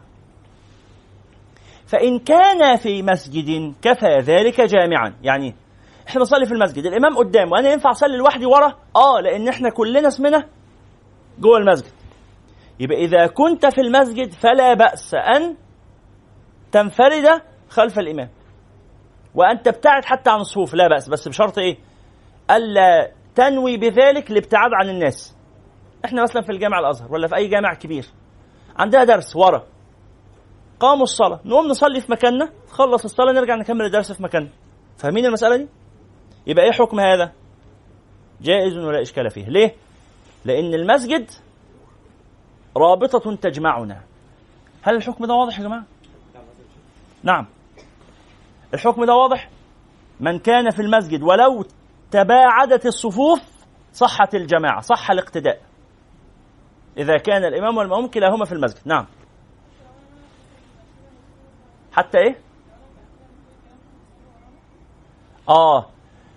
طب المرأة بتقول لو أنا دخلت المسجد أصلي وبعدين هذا المكان أنا أعلم أنه سيأتي رجال فيصلون خلف خلف النساء. في هذه الحالة لا يجوز لك أن تصلي في هذا الموضع بل يجب التأخر. خير صفوف النساء آخرها. النساء لما يبدأوا الصفوف يا جماعة بيبدأوا من الصف الأخير. أول ما يدخلوا أول صف في النساء اللي هو الصف اللي إيه اللازق في الحيطة. الحيطة الخلفية. ده أول صف. لما يتملي يقوموا إيه؟ يطلعوا الصف اللي قدامه. لما يتملي يطلعوا الصف اللي قدامه وهكذا. طب إحنا ما نعرفش. ما أنا هكمل حاضر. أنا لسه قاعد أنا مشيت. أنا قاعد هكمل. لحظة واحدة. صلوا على النبي. طب النساء دخلوا بدأوا الصلاة. صفين رجالة وبعدين فراغ وبعدين صف ستات. وبعد شوية كثر العدد. أثناء الصلاة ما خدوش بالهم كثر الرجال وإذ بالرجال بيصلوا خلف النساء. ها؟ يبقى لا إثم على هاتيك النساء والإثم على الرجال. والإثم على الرجال أنه لا يجوز للرجال أن يصلوا خلف النساء. طيب افرض كثر الرجال وليس لهم مكان يعملوا إيه؟ يبقوا يجعلوا خلف النساء ساترا يحطوا كراسي أو يحطوا حاجة. خلف النساء ساترا وبعدين يصلوا. نعم. في الحرم نفس الأحكام بالظبط النساء بيصلوا يكره إن الرجل يروح يتعمد ورا صفوف النساء يحرم. الستات بيصلوا يروح يتعمد يصلي وراه حرام. طالما في متسع. طب ما فيش متسع يسيب فراغ. يسيب فراغ مناسب آه، لو يقدر لو في حواجز يروح يصلي ورا الحواجز مفيش حواجز يبقى يسيب فراغ مناسب ويصلي إذا ضاق المكان. مفيش ولا حتة فاضية. لكن في أي مكان فاضي يبقى يحرم عليه يصلي خلف النساء. نعم. المسجد نفسه اخر صف في المسجد وهم ممكن يصلوا في الصف اللي بره عفوا إحنا دلوقتي بنصلي في المسجد الازهر مثلا اخر صف فعلا في المسجد ممكن في مثلا رجال يجوا يصلوا بره في الصف اختنا بتقول طب أحيانا النساء يصلين في المسجد بس في ساحة أمام المسجد أو يعني خلف المسجد. في ظلة في مسجد مظل وبعدين وراه حديقة. فالنساء بيصلوا جوه في الصفوف الأخيرة وبعدين يجوا الرجالة يصلوا في الحديقة اللي بره. لا يضر لا إشكال. لأن حصل هنا إن النساء أخذوا الصفوف الأخيرة. وفي حاجز في ساتر في فاصل. نعم. قلنا الحكم خلاص. ضاق المكان. إذا ضاق المكان فلا بأس. يصلي. إذا ضاق المكان فلا بأس يصلي. نعم. آه لما صلاة العيد الدنيا بتزحم قوي بنلاقي كل واحد بيصلي وشايل خطيبته على على دراعه. ها؟ بنلاقي الرجالة راجل ست راجل ست ثلاث ستات راجل راجل راجل ستتين. الهيئة بقى اللي إحنا بنشوفها الخلطبيطه وبنلاقي كل عيلة بتصلي القبلة. يعني إيه؟ العيلة دي متجمعين كده بيصلوا الناحية دي وجنبهم العيلة دي وبنلاقي صلاه عائليه كان راجل ومراته وعياله الولاد والبنات مع بعض كده. وساعات بيبقوا بيصلوا بيبصوا لبعض يعني كتفهم على كتف بعض كده و... نسأل الله السلامة والعافية. كل هذه المظاهر لا تجوز ولا تصح عند التعمد. لا تصح ولا تجوز عند التعمد ولا عند التهاون والتساهل والكسل ولكن تصح عند الحاجة عند ضيق الأماكن. ما خدناش بالنا إحنا دخلنا صلينا وإيه حرصنا بقدر الإمكان أن تكون صفوف النساء مع النساء وصفوف الرجال مع الرجال. وبعدين لقينا الموضوع لخبط. ما خدناش بالنا من اللخبطة دي يبقى لا بأس. إذا ضاق المكان يا جماعة قاعدة في أمور الشريعة كلها. إذا ضاق الأمر اتسع. أي مسألة فيها ضيق فيها مشقة ربنا يقول وما جعل عليكم في الدين من حرج. إذا ضاق الأمر اتسع. نعم. بس لو حصل وصلوها. صلاتهم صحيحة ولا باطلة يا سيدنا؟ صلاتهم صحيحة. هم لم يتعمدوا. من غير ضرورة. مين قال الضرورة؟ فيش ضرورة ولا حاجة. صلوا على هذه الهيئة. لم يتعمدوها. صلاتهم صحيحة. من غير ضرورة. والصلاة لا تصح إلا بضرورة؟ نعم. لا في كل المساجد. في كل المساجد. ما هو لو في ضرورة ما إحنا قلت بقى لو في ضرورة يبقى لها بأس. اختها بتقول في الحرم إحنا أسرة مع بعض. لو سيبنا بعض حنتوه أنا أنا ومعايا أمي. أعمل إيه؟ حاضر. طب ما أنا هكمل. طيب. أنا كانت معايا أمي لوحدها. ما أنا ممكن اتكلم عن حالتي أنا الأول. أنا ليه أتكلم عن حالة حضرتك قبل ما أتكلم عن حالتي؟ يعني هل هل مثلا أسرة حضرتك أهم من أسرتي؟ ما هو برضو ما هو أسرة حضرتك مهمة وأسرتي مهمة. يا فندم أنا مقدر إن أسر المسلمين كلها مهمة. اسمحوا لي أتكلم عن أسرتي. مسألة شخصية عائلية. لو سمحتي بعد إذنك. أنا ومعايا مراتي وأمي وحماتي. وأنا لوحدي في وسطهم. أعمل إيه؟ الله يعني ده اولا. يعني إيه؟ ادعي لي. ادعي لي بالثبات. طيب هعين لهم مكانا يصلين فيه وأتقدمهن. يعني أخليهم أول صف في النساء وأنا بآخر صف في الرجال أبقى قريب منهم. بس أنا في صفوف الرجال وهم في صفوف النساء وشايفين بعض. لا ده الوضع ده إحنا اللي أنت بتقوله ده ينفع في العمرة ممكن لكن في الحج الدنيا زحمة جدا مش ممكن. لو سيبنا بعض هنتوه من بعض. نعمل إيه؟ نصلي جنب بعض. لا مانع نصلي جنب بعض. لا مانع عند الضرورة لكن هذا مكروه. والضرورة هنا تزيل الكراهة. يلا أسرة حضرتك اتفضلي طب أنا أعمل إيه؟ يعني أنا أتصرف إزاي؟ الصلاة صحيحة يا فندم. الصلاة صحيحة. نعم. الصلاة صحيحة مع الكراهة عند التعمد. يلا. بتقول إن إحنا لينا حركتين في المره صح كده؟ نعم. طيب حضرتك بتقول لو أنا بصلي لوحدي ورا ليه إن أنا اخد حد من قدام أخليه يصلي جنبي؟ خطوة أو خطوتين. لو هو لو أنا ورا بعيد أكتر من خطوتين ما ينفعش. آه يعني أنا أحاول أجيبه هو على خطوتين مثلا. بالظبط. خطوة أو خطوتين. نعم. هي صلاتي في المسجد بس ولا يعني إحنا هنا بنصلي في القاعة مثلا جيم ما بيبقاش فيه صف أصلا. طيب إحنا هنا لما بنصلي في القاعة. كويس قوي لما بنصلي هنا في القاعة الرجال في الصف الأول. طب حاضر. واحيانا يكثر الرجال. فيقوموا يجوا الرجاله يعملوا صف هنا كده في الحتة دي صح؟ يعملوا هنا نص صف. وبعدين في حواجز من الكنب وبعدين النساء يبقوا في الصف الأول لهن موازي ومحاذي للصف الثاني أو الثالث من صفوف الرجال. فما حكم هذا؟ هذا مكروه. والصلاة صحيحة. مكروه والصلاة صحيحة. طب لا المكان ضيق ومضطرين إلى هذا تزول الكراهة إذا المكان ضيق تزول الكراهة إذا المكان واسع يبقى مكروه. ولذلك بنقول للنساء قبل ما تعملوا الصف اللي هنا ده تعملوا إيه؟ ارجعوا ورا وتأكدوا أن الصف الأول لكن امتلأ. وبعدين الصف الثاني لكن والثالث لكن والرابع لكن اللي هنا ده بيبقى الخامس لكن. الخامس للنساء صح؟ فالصف الخامس للنساء ليه؟ نملاه قبل ما نملى الأربعة اللي قبله. والرجالة ليه يروح للصف الثالث أو الرابع قبل ما يكمل الصف الأول والثاني؟ ده لأن إحنا المدرسة عندنا مكانها ضيق. فبنقول إذا ضاق الأمر نتأكد من امتلاء صفوف النساء. اولا اضطررنا إلى المحاذاة يبقى في فاصل يبقى لا كراهة. طب لا ما فيش فاصل. لا مكروه. خلاص؟ سؤال؟ نعم. لا تبطل. لا صلاة صحيحة. صلاة الرجل خلف المرأة بدون ضرورة. خلف المرأة مش معناه أنه يقتدي بها. آه. إنما يعني في ترتيب الصفوف. إذا صلى الرجل خلف صفوف النساء بدون ضرورة فصلاته صحيحة مع الحرمة. يأثم بفعل بتعمده. إذا تعمد ذلك خالف السنة فيأثم وصلاته صحيحة. نعم. سؤال هم؟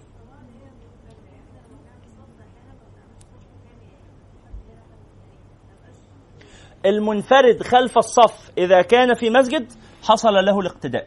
طالما في مكان متصل حصل الاقتداء. نعم. لو لو هو رجل وامرأة أج- أجنبي أجنبيان ها؟ يأتم بها؟ لا يأتم رجل بامرأة أبدا. ما أنا فاهم لا يأتم. أنا بالمرة نبين الحكم بقى. لا يأتم رجل بامرأة أبدا ولو كانت من محارمه ولو كانت زوجته ولو كانت أمه ولو كانت المرأة لا تأم إلا النساء. طب ينفع المرأة تأم ابنها الصغير الصبي الذي لم يبلغ؟ آه ينفع. الذي لم يبلغ الولد عنده أربع سنين بتعلمه الصلاة فمش هتخليه هو يصلي. إمام ما ينفعش. إنما توقفه جنبها وتعلمه يصلي فيصلي مقتديا بها لا بأس. ها؟ لكن البالغ خلاص. طيب ينفع بقى رجل وامرأة أجنبيين آه، آه، هي تأتم به؟ آه. ائتمام المرأة المنفردة بالرجل مكروه. ائتمام المرأة المنفردة بالرجل المنفرد مكروه. فإن كان شابين حرم. لا لا يبطل الصلاة صحيحة لكن حرم. يعني إيه؟ زميلها في المكتب هي وهو بس اللي بيصلوا بقية المكتب ما بيصليش. هيثم. مش هتصلي الظهر يا هيثم. الأداء ده أداء يعني ما يجيبش صلاة قوي يعني هو صلاة على راندفو كده يعني فتعمل إيه؟ لا تروح لوحدها تصلي في أوضة مغلقة ويبقى هيثم يشوف هيعمل إيه؟ ربنا يصلح حاله. خلاص؟ يبقى ائتمام ائتمام المرأة ائتمام المرأة بالمنفرد ائتمام المرأة بالرجل المنفرد مكروه فإن كان شابا حرم. نعم. حتى لو وسط الناس آه. الله بيصلوا لايقين على بعض قوي ما شاء الله. شيرين وهيثم دول بص عصفورين كناريا بص هم بيصلوا حاجة تخطف القلب. تدخلش نفسها في القصة دي. ليه؟ تسيبه يصلي لوحده وتروح هي تصلي لوحدها. الانفراد هنا أولى من الاجتماع. نعم. حتى لو مسجد يعني إيه؟ هنروح كلنا نصلي. لا يا جماعة ائتمام الجمع من النساء بالرجل مكروه ليس حراما. ائتمام لا عفوا مش إمامة إمامة الشاب إمامة الشاب لجمع من النساء منفردات عن الرجال مكروه ولا يحرم. وإمامة كبير السن للجمع من النساء لا يكره ولا يحرم. لو كان كبير السن يصلي بجمع من النساء لا يكره ولا يحرم. شاب شاب يصلي بجمع من النساء يكره ولا يحرم. يكره ليه؟ لأنه هو هيبقى بيصلي ومشغول. صوتي حلو. عاجب. أنا كده حنول الرضا. أنا كده فاهمين المسألة؟ طب رجال ونساء؟ لا بأس لا يضر. طب إن طب رجال ونساء وعلم أن قلبه يتغير بحضور النساء يكره. يكره. بس يكره في حقه هو. أما هن فلا شيء عليهن. إحنا اختها بتقول إحنا مجموعة في الشركة. دخلنا كلنا نصلي في المسجد مع بعض إحنا جمع. وفي واحد بيصلي ما نعرفوش أصلا. إمام المسجد ولا واحد زميلنا ولا أي حاجة بنصلي بنهتم بيه. هو أصلا الإمام لا يجب أن يعلى أن ينوي الإمامة. مش لازم يعرف إن في ناس بيصلوا وراه فإحنا بنصلي وراه وننوي الائتمام من غير ما يعرف. مفيش مشكلة. لكن إذا علم بذلك ونواه يبقى ياخد باله من نيته. نعم. طب لو دخلت ولقيت جوز أختي مثلا واختي بيصلوا الاولى ان أنا اصلي جنبها ولا اصلي لوحدي ما تعلمينه من قلبك وقلبه. اختها بتقول أنا دخلت. جوز أختي بيصلي وأختي بتصلي معاه. الأولى أصلي مع أختي جنب ورا جوزها ولا أنفرد؟ لازم تكوني بصيرة. بل الإنسان على نفسه بصيرة ولو ألقى معاذيره. لازم تكوني منتبهة. أنت لما بتصلي وراه حاسة إن بيحصل ألفة كده زيادة عن اللزوم؟ أيوه ده جوز أختي يا شيخ. أيوه ما جوز أختك ده مش محرم. ما جوز أختك ده صح كده يا جماعة؟ مش زوج الأخت ده. يعني ممكن جدا إن هو يتزوج بهذه الفتاة بعد كده؟ ها؟ فبنقول إيه؟ بنقول إن على حسب. العلاقة أنت حاسة إن ده عادي؟ مش هيأثر في نفسك ولا هيأثر في نفسه؟ ولا حاسة إنه ممكن يحصل تغير؟ فأول ما تشتبه إحنا قلنا دايما قاعدة دائمة أي اشتباه في أي تغير في القلب اجري يا مجدي. دايما. دايما ما تسمحش لنفسك إن أنت يتغير قلبك وتتغير نيتك وتقول إيه؟ لا عادي أنا جامد. مفيش حد جامد. مفيش حد جامد. ولذلك قلنا صباح الخير في الشغل قد تكره وقد تحرم. أظن اتكلمنا على الأحكام دي قبل كده. صباح الخير والفطار بتاع نفطر مع بعض الصبح وتاكلوا إيه على الغداء وعاملة إيه؟ عاملين إيه؟ وكل سنة وأنتم طيبين ويعود عليكم الأيام بخير وكل المعايدات الاجتماعية دي. الأصل إنها حلال بس في بعض الأحيان انت عارفه ان هيثم ده ولا ما بلاش هيثم بقى. آه آه إبراهيم إبراهيم لا صباح الخير بتاعت إبراهيم مختلفة. فيها سهتنة كده و... و... صح؟ مثل هذا الإنسان لما يقول لك صباح الخير إزيك؟ أخبارك إيه؟ لا ما شاء الله خاسه النهارده تقول له أنت مالك؟ أنت مالك أنت خاسه ولا مش خاسه إيه اللي إيه اللي حشرك وإيه اللي دخلك؟ وتردي بعنف. ليه تردي بعنف؟ رغم إن الكلمة تبان ربما تكون كلمة عادية ما فيهاش تجاوز. آه لا. في هنا تجاوز لأنها لما تيجي من هذا الإنسان بتبقى بداية إيه؟ أنتوا معايا ولا إيه؟ بداية مشاكل. بداية مشاكل. نفس الوضع أنت مع زميلتك اللي جايبة لك هدية. هي جايبة للمكتب كله شوكولاتة. تاخد منها شوكولاتة ولا ما تاخدش؟ على حسب. إن كنت تعلم أن أخذك لهذا يؤدي إلى سرور في نفسها زائد يبقى لا تقبل هذه الهدية. طب ليه دي بتوزع على الكل؟ آه بتوزع على الكل وقصدك أنت وأنت عارف كده. ما انت ما تقوليش انك مش فاهم عشان يعني أنا عارف ان أنا فاهم وانت فاهم وكلنا فاهمين. انت عارف هي جايبة الشوكولاته للمكتب كله عشانك. علشان النوع اللي انت بتحبه. وقالت لك كده. ويعني ولا ما قالتلكش بس انت انتبهت امتنع. وما تاكلهاش. بس يا شيخ أنا كده ابقى جرحت قلبها وانت لسه قايل من شوية ان ما نجرحش أخوك المسلم. أنا كنت بقول لك أخوك المسلم. أظن الكلام كان واضح ها؟ فما صلوا على النبي. قال واما الفرض فاتصال الصف وهو أن يكون بين المقتدي والإمام رابطة جامعة فإنهما في جماعة فإن كان في مسجد كفى ذلك جامعا لأنه بني له فلا يحتاج إلى اتصال صف بل إلى أن يعرف أفعال الإمام. صلى أبو هريرة رضي الله عنه على ظهر على ظهر المسجد بصلاة الإمام. وإذا كان المأموم في فناء المسجد أو طريق أو صحراء مشتركة وليس بينهما اختلاف آه، اختلاف بناء مفرق فيكفي القرب بقدر غلوة سهم وهي رابطة. إذ يصل فعل أحدهما إلى الآخر وإنما يشترط إذا وقف في صحن دار عن يمين المسجد أو يساره وبابها لا آه، لافظ في المسجد فالشرط أن يمتد صف المسجد في دهليزها من غير انقطاع إلى الصحن ثم تصح صلاة من في ذلك الصف ومن خلفه دون من تقدم عليه وهكذا حكم الأبنية المختلفة فأما البناء الواحد والعرصة الواحدة فكالصحراء باختصار المسألة دي إيه؟ إن الإمام والمأموم لو كلاهما في المسجد يبقى مهما بعدت المسافة لا بأس طب الإمام والمأموم كلاهما خارج المسجد إذا كان خارج المسجد كلاهما في صحراء أو في بناء أو حاجة يشترط ألا تزيد المسافة بينهما عن 180 متر اللي هي 180 متر اللي هي 300 ذراع يشترط ألا تزيد المسافة بينهما عن 300 ذراع إيه؟ لا إزاي؟ ال 180 متر دي من هنا من الميدان العباسية ما تبقاش شايفه؟ لو مكان متسع من غير حواجز. لا لا يعني على حسب الأجواء على حسب الأوضاع بس يعني 180 متر دي مسافة صغيرة مسافة بسيطة. ده ده حد أقصى. طبعا ممكن يبقى 100 متر بس ممكن 100 متر دي يعني عمود نور. من هنا يعني واحد عند عمود نور وانت عند عمود نور اللي بعده. وكبر مش هتسمع تكبيره. الله أكبر في الركوع والسجود. ما تسمعوش؟ تسمعوا طبعا. هتسمعه هتبقى شايف بلاش تسمعه. واصلا سماع الإمام لا يجب بس أنت شايفه تعلم حركته ركع سجد قام أنت ترى هذا.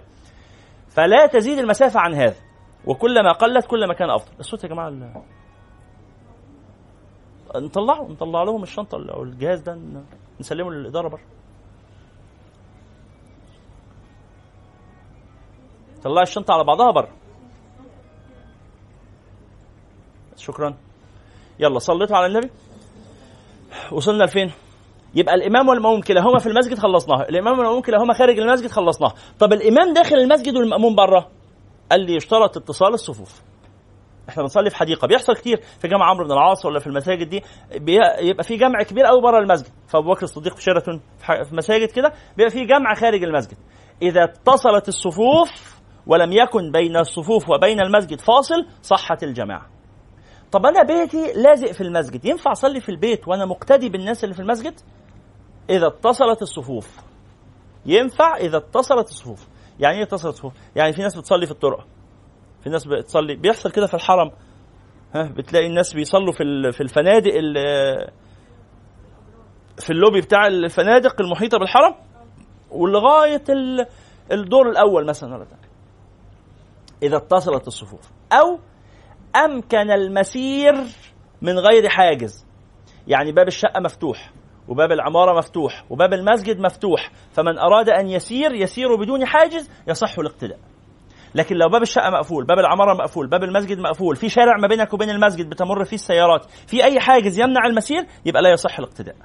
صليتوا على النبي؟ آدي مسألة الإيه؟ الائتمام.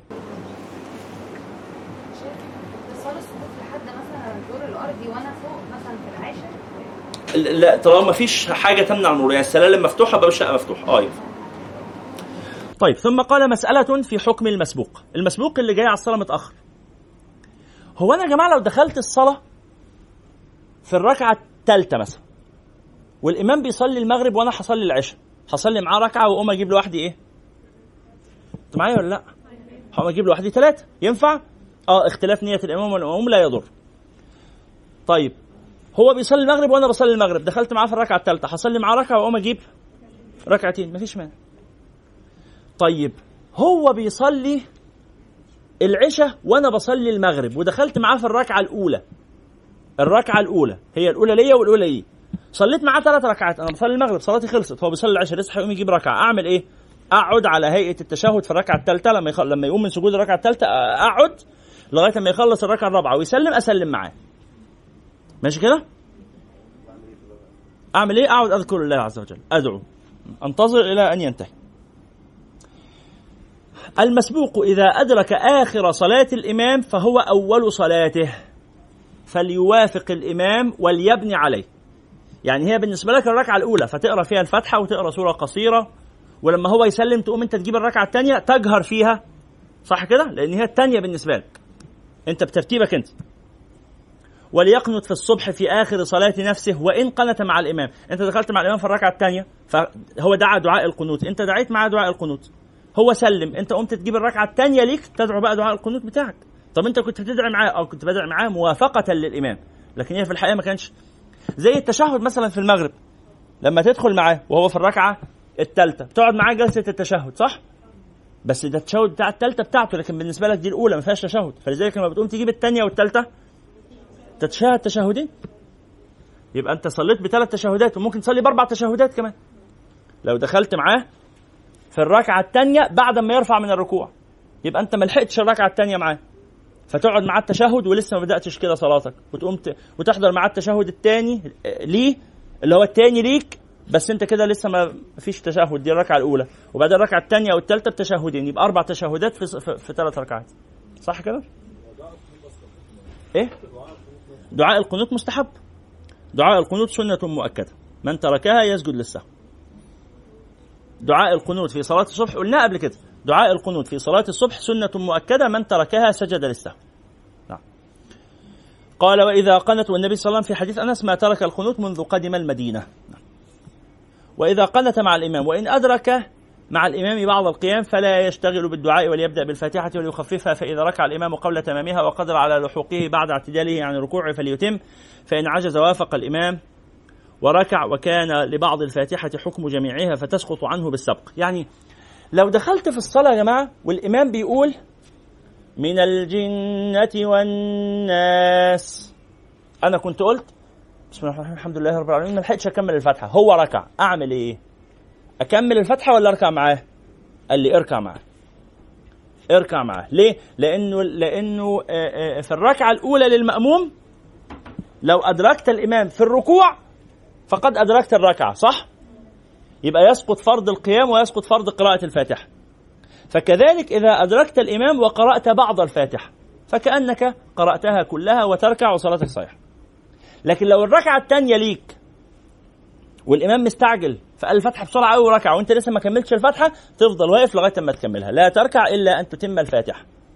اتفقنا؟ عرفنا الفرق بين الإيه؟ الموضعين. يلا. نعم لو أنا بصلي لوحدي أدعو دعاء القنوت في صلاة الصبح. في في صلاة الصبح صلاة الفريضة. صلاة الفريضة سواء كنت أصليها في وقتها أو أصليها قضاء أصليها منفردا أو أصليها في جماعة. لا المذهب الشافعي. اللي بنشرحه كله هنا مذهب الإمام الشافعي رضي الله تعالى عنه. وارضاه اللي هو مذهبنا مذهب أهل مصر. نعم. الله. قال وإذا أدرك الإمام في السجود أو التشهد كبر للإحرام وجلس. يعني لو دخلت والإمام ساجد أو الإمام قاعد في التشهد تكبر وتجلس. تكبر تكبيرتين يعني تكبر الله أكبر وبعدين تكبر تكبيرة ثانية وتقعد لا هي تكبيرة واحدة. تكبر تكبيرة واحدة وتسجد أو تكبر تكبيرة واحدة وتجلس مباشرة. بخلاف ما إذا أدركه في الركوع. لو دخلت والإمام راكع تكبر تكبيرة الإحرام ثم تكبر تكبيرة الركوع. ليه؟ لأنك هنا كده هتلحق تبقى اسمك لحقت الركعة. لكن لو دخلت وهو ساجد أو هو قاعد للتشهد ما لحقتش الركعة. فتكبر تكبيرة الإحرام وتقعد على طول. طيب. قال والتكبيرات للانتقالات الأصلية في الصلاة لا للعوارض بسبب القدوة. التكبيرات الأصلية اللي هي اللي محسوبة لك. لكن لو دخلت وهو ساجد أو راكع فيبقى السجود ده مش محسوب والركوع ده مش محسوب. فيبقى لا تكبر له تكبيرا خاصا إنما تكبيرة الإحرام فقط. وبعد كده التكبيرات بقى إيه اللي بعد كده اللي هي محسوبة لك قال ولا يكون مدركا للركعة ما لم يطمئن في الركوع والإمام بعد في حد الراكعين. المسألة دي مهمة. أنا داخل. الله أكبر. أثناء ما أنا بنزل هو سمع الله لمن حمده. ما لحقتش الركعة. إمتى يبقى اسمك لحقت الركعة؟ لو الله أكبر وركعت وسبحت تسبيحة واحدة وبعدين سمعت سمع الله لمن حمده. يبقى لازم تدرك مع الإمام تسبيحة على الأقل. عشان تبقى اسمك لحقت الركوع مع الإمام. لكن ما لحقتش مع الإمام ولا تسبيحة ده انت نازل وهو طالع فاتتك الركعة. واضح هذا؟ بس كده. آدي مسألة المسبوق. حد عنده سؤال في المسبوق؟ اتفضل. لو أنا بقى الإمام وجماعة صغيرة يعني فأوقات مثلا ألاقي حد يعني يحرم إن الواحد خلاص أنا نويت إن أنا هطلع الر- الركوع أقول اطول شوية عشان يلحق الركعة. لا مش فاهم. يعني أنا إمام. أنت إمام. آه أحيانا أبقى إمام ويجي واحد متأخر فسمع صوت دبدبة كده هيجي يلحق فأطول في الركوع شوية عشان يلحق لا إشكال. لا مانع. ما لم يزد ذلك إلى حد الإثقال على بقية الناس. ما لم تثقل على الآخرين.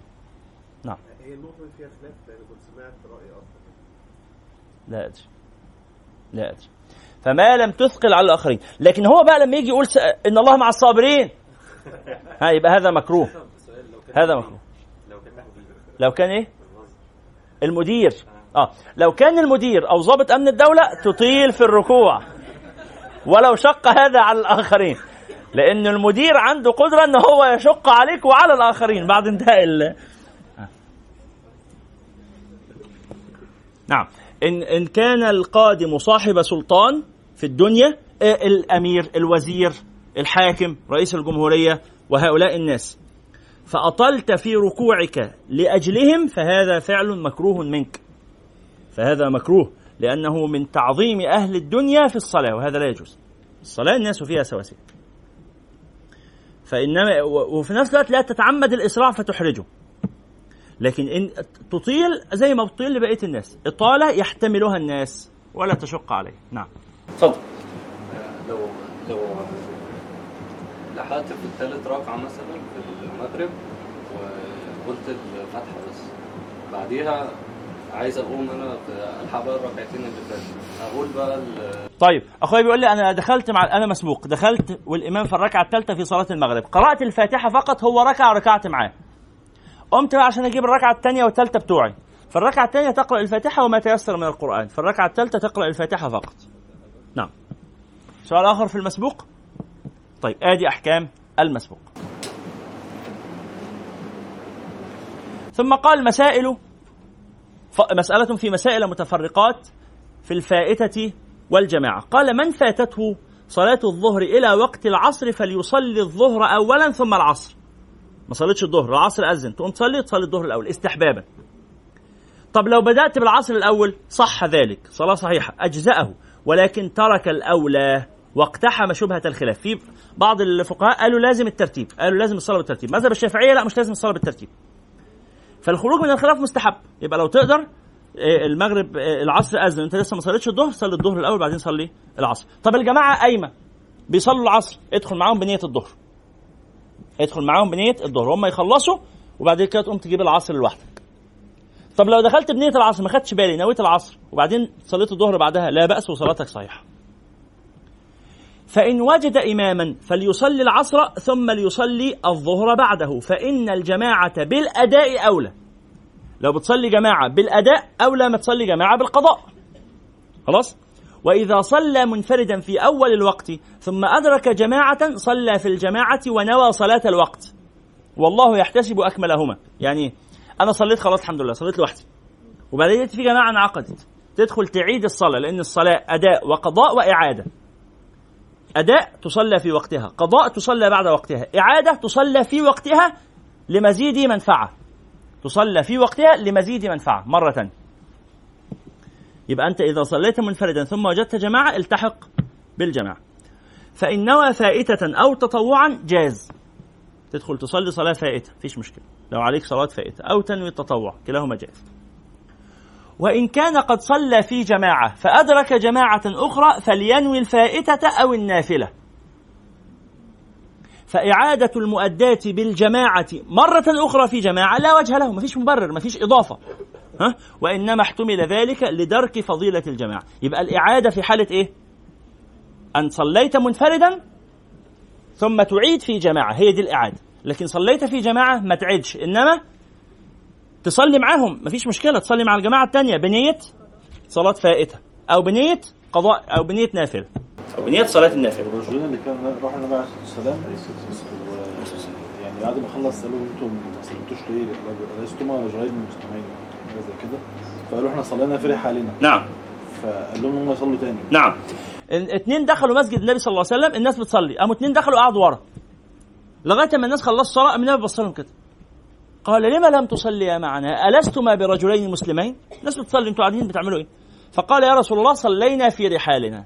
إحنا صلينا قبل ما نيجي صلينا بره كنا مع مجموعة جايين في الطريق فالأذن أذن فوقفنا صلينا. جينا هنا كنت أنتوا لسه ما صليتوش. فقال إيه؟ قوما قال من صلى في في رحله ثم رأى الجماعة فليدرك الجماعة أو فليصلي مع الجماعة. يبقى تعيد يبقى, يبقى تصلي مع الجماعة بس بنية إيه؟ مش بنية إن, إن كنت صليت في جماعة مش بنية الإعادة إنما بنية النافلة. تبقى حضرت ناس بتصلي تصلي مع الناس اللي بيصلوا. ما تسيبش الناس واقفين كلهم بيصلوا وأنت قاعد لوحدك ورا. ليه يعني؟ أنت مسيحي زي ما بيقولوا. نعم. طب لو خايفة دخول الوقت؟ يعني مثلا أنا فاتني الظهر و... و... وعايز أصلي العصر وخلاص المغرب هيأذن فأنا كده أعمل إيه؟ لا مش حاجة. يعني أنا دلوقتي قلنا إن إحنا نصلي الظهر لو أنا فاتني الظهر ودلوقتي المفروض أصلي العصر أصلي الظهر الأول وبعد كده العصر صح؟ أصلي فايتني الظهر. بعد كده العصر آه ودخل وقت العصر. أصلي الظهر بعد كده العصر. ها. المغرب قرب. أصلي الظهر بعد كده العصر. برضه بس خلاص طب. المغرب هيدخل خلاص. أصلي الظهر بعد كده العصر. حتى لو ما فاتني العصر طبعا أصلي الظهر بعد كده العصر. طب افرض أنا ما هو أصلا إيه؟ آه لحظة واحدة. آه لحظة. لحظة واحدة. هي بتقول الوقت الباقي آه الوقت الباقي على المغرب لا يكفي لكل منهما. تعمل إيه؟ تصلي العصر عشان تبقى أدركته في وقته. كده كده المغرب قضاء. كده كده الظهر قضاء. فتقضي الظهر. فتدرك العصر في وقته. نعم. طب لو فايتني الصلاه الخمسة وهصليهم بالليل صليهم بالليل بالترتيب. طب لو عكست الترتيب لا يضر. لا يضر. نعم. الصلاة صحيحة. ها. ما فيش شغل بيحتم إن الصلاة تفوت. ما فيش شغل. تسيب الشغل. ما فيش شغل يحتم ان الصلاة تفوت أنت مش هتسيب الشغل هتتصرفي. بس ما فيش شغل يحتم ان الصلاة تفوت دي ملهاش حل. ما فيش حاجة اسمها شغل يحتم عليا فوت الصلاة. ما ما ما مش هسمع السؤال. ما فيهاش دي لو حصل إيه؟ طب ما تصبروا. ما فيش حاجة اسمها كده. ما فيش حاجة اسمها كده. لو لاقية تاكلي معاكي خمسة جنيه تشتري بيهم عيش ناشف تبليه في مية يكفوكي الشهر يبقى ما تشتغليش. المسألة خطيرة. شغل بي بيأخرني عن الصلاة أسيبه. أو ألاقي حل. حل زي إيه؟ زي إن يبقى في break يبقى في break 10 دقايق قبل ما العصر يأذن. ها؟ أدخل الشغل متأخر 10 دقايق. آه يعني ما فيش شغل متواصل 8 ساعات.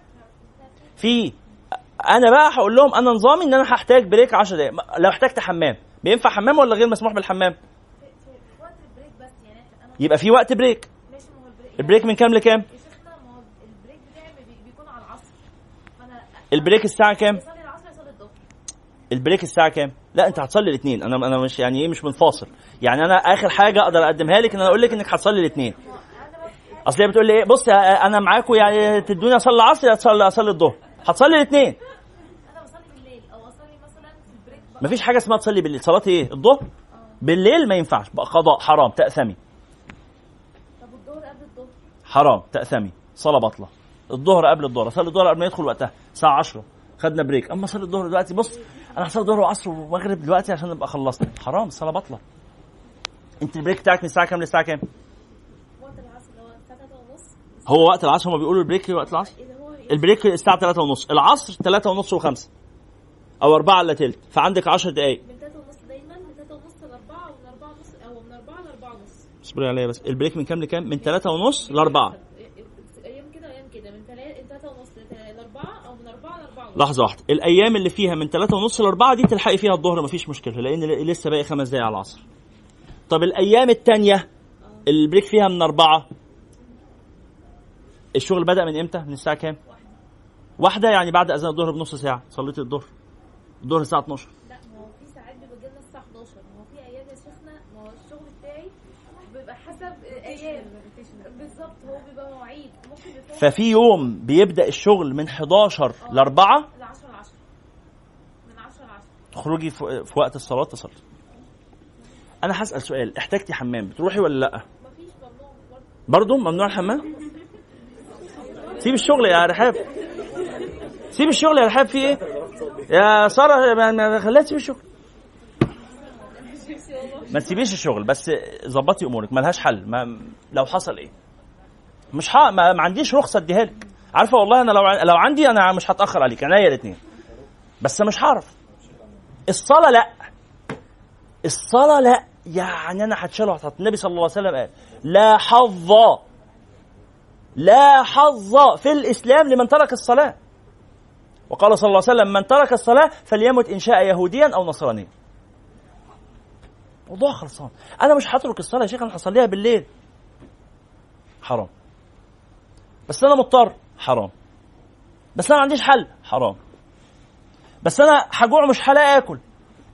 يجوز تشتغل يوم تجيب بيه مرتب فلوس تكفيك بقية الشهر. وبقية الشهر تاكل عيش ناشف وتبله بمية. طالما عندك أكل عيش ناشف تبله بمية ولا من غير ما تبله فاهمين اللي عايز أقوله إيه؟ أنت يكفيك بخمسة جنيه أكل في الشهر. انت مش لازم تاكل بقى إيه انواع. بخمسة جنيه اكل في الشهر يكفوك. اشتغل الشغل اللي يجيب لك الخمسة جنيه دول. أكتر من كده بس أصلا عايز احقق ذاتي. أصلا أنا عايز بقى عندي آه، كارير باث أصلا ما عنديش حل أنا مش هعرف أ- مش هعرف اساعد. ها؟ طيب عصام بيقول هو سؤال جميل. صلوا على النبي. هل يجوز الجمع في مثل هذا؟ في الحاله بتاعت أختنا هنا إنها تجمع الظهر مع العصر؟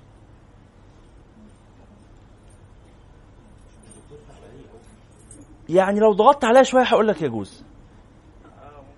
آه يلا اضغط. لا لا من غير ما خلاص ضغط عليا بما فيه الكفاية. الجمع يا جماعة جمع رسول الله صلى الله عليه وسلم. الحكم ده مهم يا رحاب. جمع رسول الله صلى الله عليه وسلم الظهر والعصر من غير مطر ولا سفر. فقال العلماء دل هذا على الرخصة عند الحاجة مش عند الضرورة عند الحاجة. يعني الأيام اللي يبقى فيها مشقة شديدة فعلا والأمر لا يحتمل والكلام ده كله تأخري الظهر وتصليه مع العصر أول ما العصر أول ما تيجي وقت العصر لما تيجي تصلي العصر يعني. في وقت العصر ما تأخروش لي بالليل. فاتتني الظهر ما سيبهاش لي بالليل لا هتروحي تصلي العصر في ميعاده وتصلي مع الظهر اللي فاتك. بس الكلام ده يبقى إمتى؟ في أضيق الأحوال. في يعني لو عندي فرصة في خمس دقايق ألحق الصلاة في ميعادها يا ريت. ما تساهلش. لا والله أنا يعلم ربنا. خلاص ربنا اللي يعلم. أنا لم أتساهل. أنا عملت اللي عليا وخلاص. خلاص لا يكلف نفسا. وسعها ما ترتكبيش. ما تحمليش نفسك المشقة. تضمي الظهر مع العصر وتضمي المغرب مع العشاء. مسألة المغرب مع العشاء قلناها قبل كده في المواصلات. أنا رايح أكتوبر. وركبت أتوبيس أكتوبر قبل ال- المغرب بنص ساعة. هوصل أكتوبر إمتى؟ أكيد مش قبل العشاء. بعد العشاء أو بعد الفجر. يعني على حسب ما خلاص؟ يبقى أنت هتوصل غالبا بعد العشاء. لو نزلت في الطريق عشان تصلي المغرب مش هتعرف تركب تاني. فتعمل إيه؟ تنوي جمع المغرب مع العشاء. المغرب تجمع مع العشاء تاخيرا.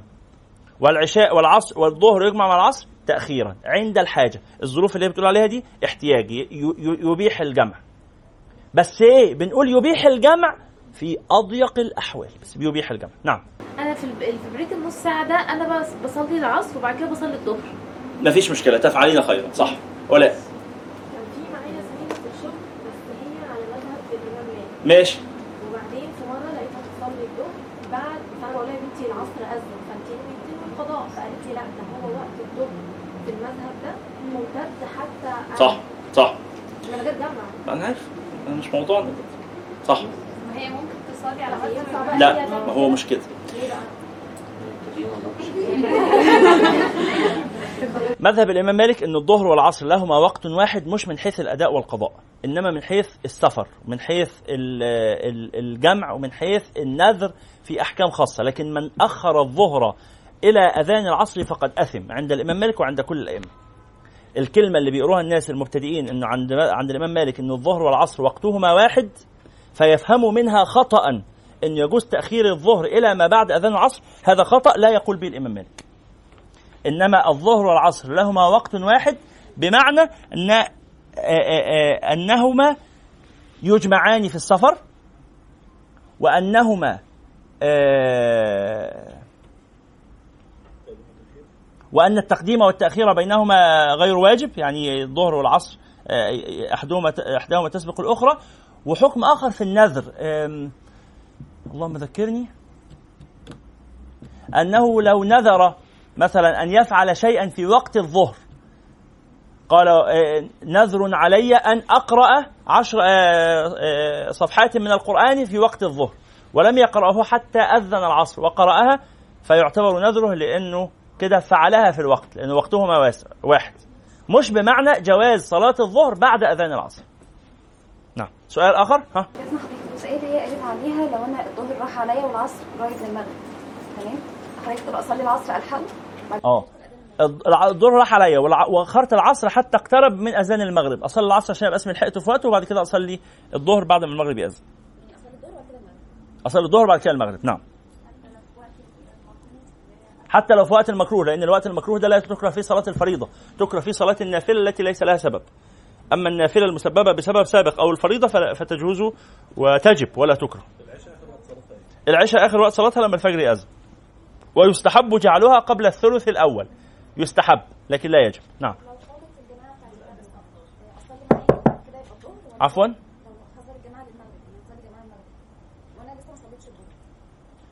بنصلي هم في جماعة بتصلي المغرب وأنا ما صليتش الظهر. أصلي معاهم المغرب وبعد كده أصلي الظهر.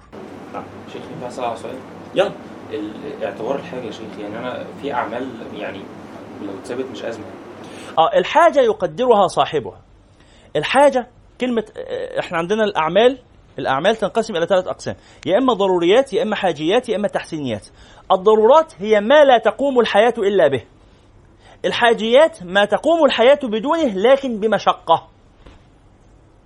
التحسينيات ما تقوم الحياة بدونه بدون مشقة. العمل ضرورة ولا حاجة؟ حاجة. ليس ضرورة. لو حد ساب الشغل مش هيموت. صح؟ لو حد ساب الشغل مش هيموت. لكن حياته هتبقى فيها مشقة. هي- هيلاقي أكل وشرب آه. بس إيه اللي هو اللي أنا كنت بقوله. بس آه على حسب ما على حسب. أحوال الناس مش زي بعضها. في حد لو ساب الشغل يجد مشقة في حياته. يجد مشقة. يجد مشقة. المشقة دي مين اللي يقدرها؟ هو اللي يقدرها. هو اللي يقدرها. مرة تانية ال- الضرورة لا تقوم الحياة بدونه. الحاجة تقوم الحياة بدونه لكن بمشقة. انت هتقول لا دي مش مشقة. هو بقى اللي يقدر دي مشقة ولا مش طيب لو لو أنا team lead وعارف إن حكم الجمع ده ساعتها أضغط عليه؟ فاهم قصدي؟ صح؟ فاهم آه. بيقول أنا team leader أنا أنا قائد الفريق. وعارف إن الصلاة ممكن تجمع. أضغط عليه وأخليه يجمع الصلاة؟ لا لا تلجئه إلى هذا لا يجوز لك. لأنه آه، آه، ال- الجمع. ماشي. ما هو الجمع جائز. أنت كده كده هتديهم وقت راحة ولا مفيش وقت راحة؟ ظبط وقت تظبط وقت الراحة على الصلاة. هتخسر إيه؟ ما أنت كده كده هتديهم وقت راحة. ولا مش ناوي؟ ما على حسب برضه أنت ناوي على إيه؟ الجمع رخصة. بالضبط طبعا. وال وال وال وال والعزائم مقدمة على الرخص. فما فيش مانع ناخد بالرخصه بس عند الاحتياج. أنا عاملها مزاجي كده. أنا هعمل البريك الساعة أربعة إلا ربع. المهم يبقى خرج وقت الصلاة. طب ما ليه؟ ما تقدموا نص ساعة بس. خليه أربعة وربع. يلحقوا يصلوا خليه 12 وربع. يعني بقدر المستطاع بقدر المستطاع. أحيانا بقى في بعض الأعمال الناس بيشتغلوا في مصنع. فبيبقى الشفتات 24 ساعة. ناس مكن ما ينفعش يقف مثلا. فشغالين 24 ساعة. فمحاولة تظبيط الشفتات وال... وال... وال... والأوقات الراحة على الصلاة ساعات يبقى فيها مشقة ل- للراجل بتاع الجدول يعني ما يقدرش يعملها. مش ممكن. مستحيل يعملها. فيعمل إيه؟ خلاص. يا الناس يجمعوا الظهر مع العصر والمغرب مع العشاء. لكن كل لما يكون عندي فرصة إني ما أجمعش ما أجمعش. محتاج أجمع. مضطر أجمع. مفيش مشكلة. طيب. آخر حاجة؟ معلش يا شيخ وقت أجمع بالترتيب يعني اجمع بالترتيب استحبابا. ترتيب التقديم يجب في جمع التقديم يجب الترتيب وجمع التأخير يستحب الترتيب ولا هو هنا حضرتك بتتكلم ينفع تقديم وتأخير؟ نعم. نعم. الجامعة بيبقى برضه قضاء؟ الجمع مش قضاء لا. الجمع مش قضاء بس بشرط أن أنوي أثناء الأولى جمعها تاخيرا مع الثانية. يجب هذا. لو نويت أثناء وقت الظهر إن أنا مش هقدر أصليها فهاخرها وأصليها مع العصر. يبقى لا إثم وأصليها اداء لا قضاء. نعم. لكن لو أخر... لو خرج وقتها ولم أنوي يبقى دي غفلة عن الصلاة. يبقى حرام. نعم.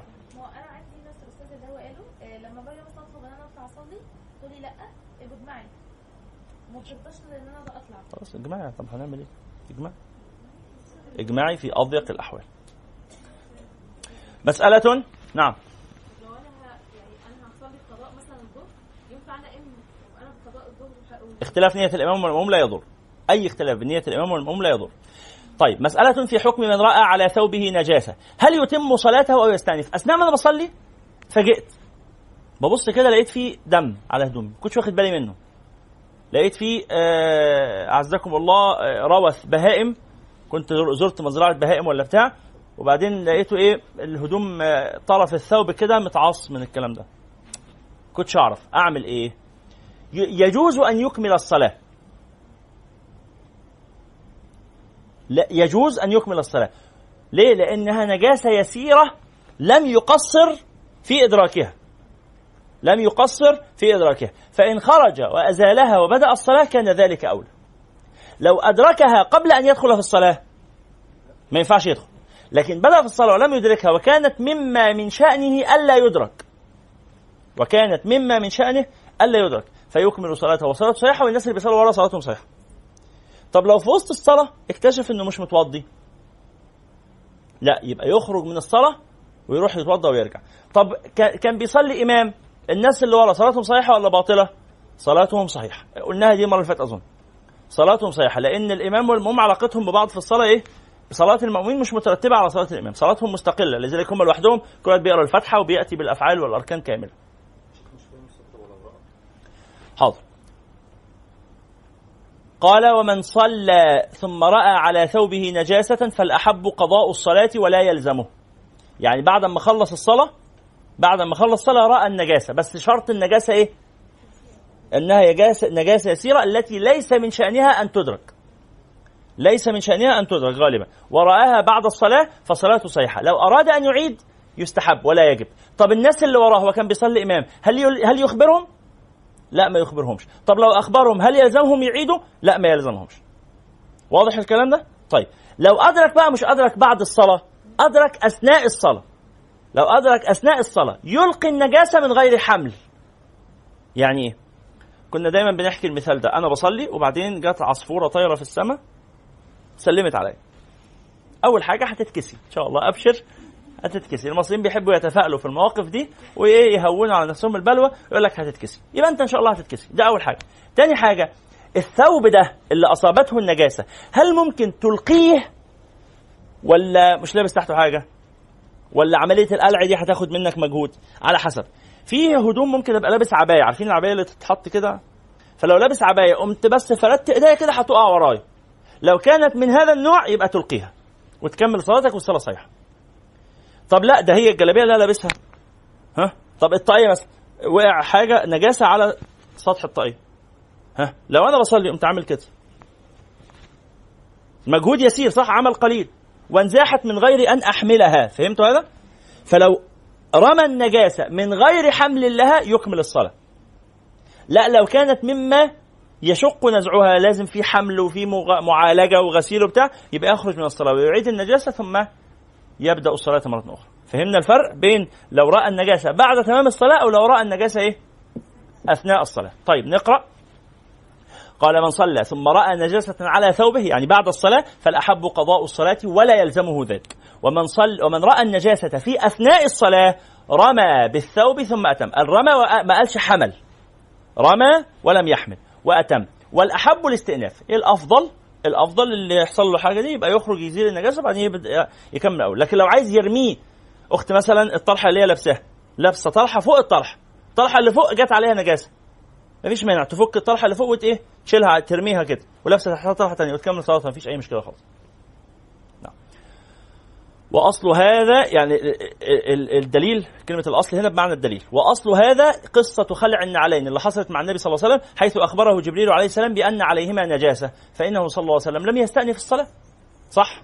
مش قرينا الحديث من شوية؟ النبي صلى الله عليه وسلم خلع النعلين وأكمل الصلاة. نعم. يبقى ادي مسألة النجاسة. نعم؟ الإمام وفي وسط الصلاة وأصابته نجاسة ومش هيقدر يشيلها يعمل إيه؟ يستخلف. يستخلف يسحب حد من الصف اللي وراه من الصف الأول ولذلك النبي صلى الله عليه وسلم قال يليني منكم أولو الأحلام والنهى.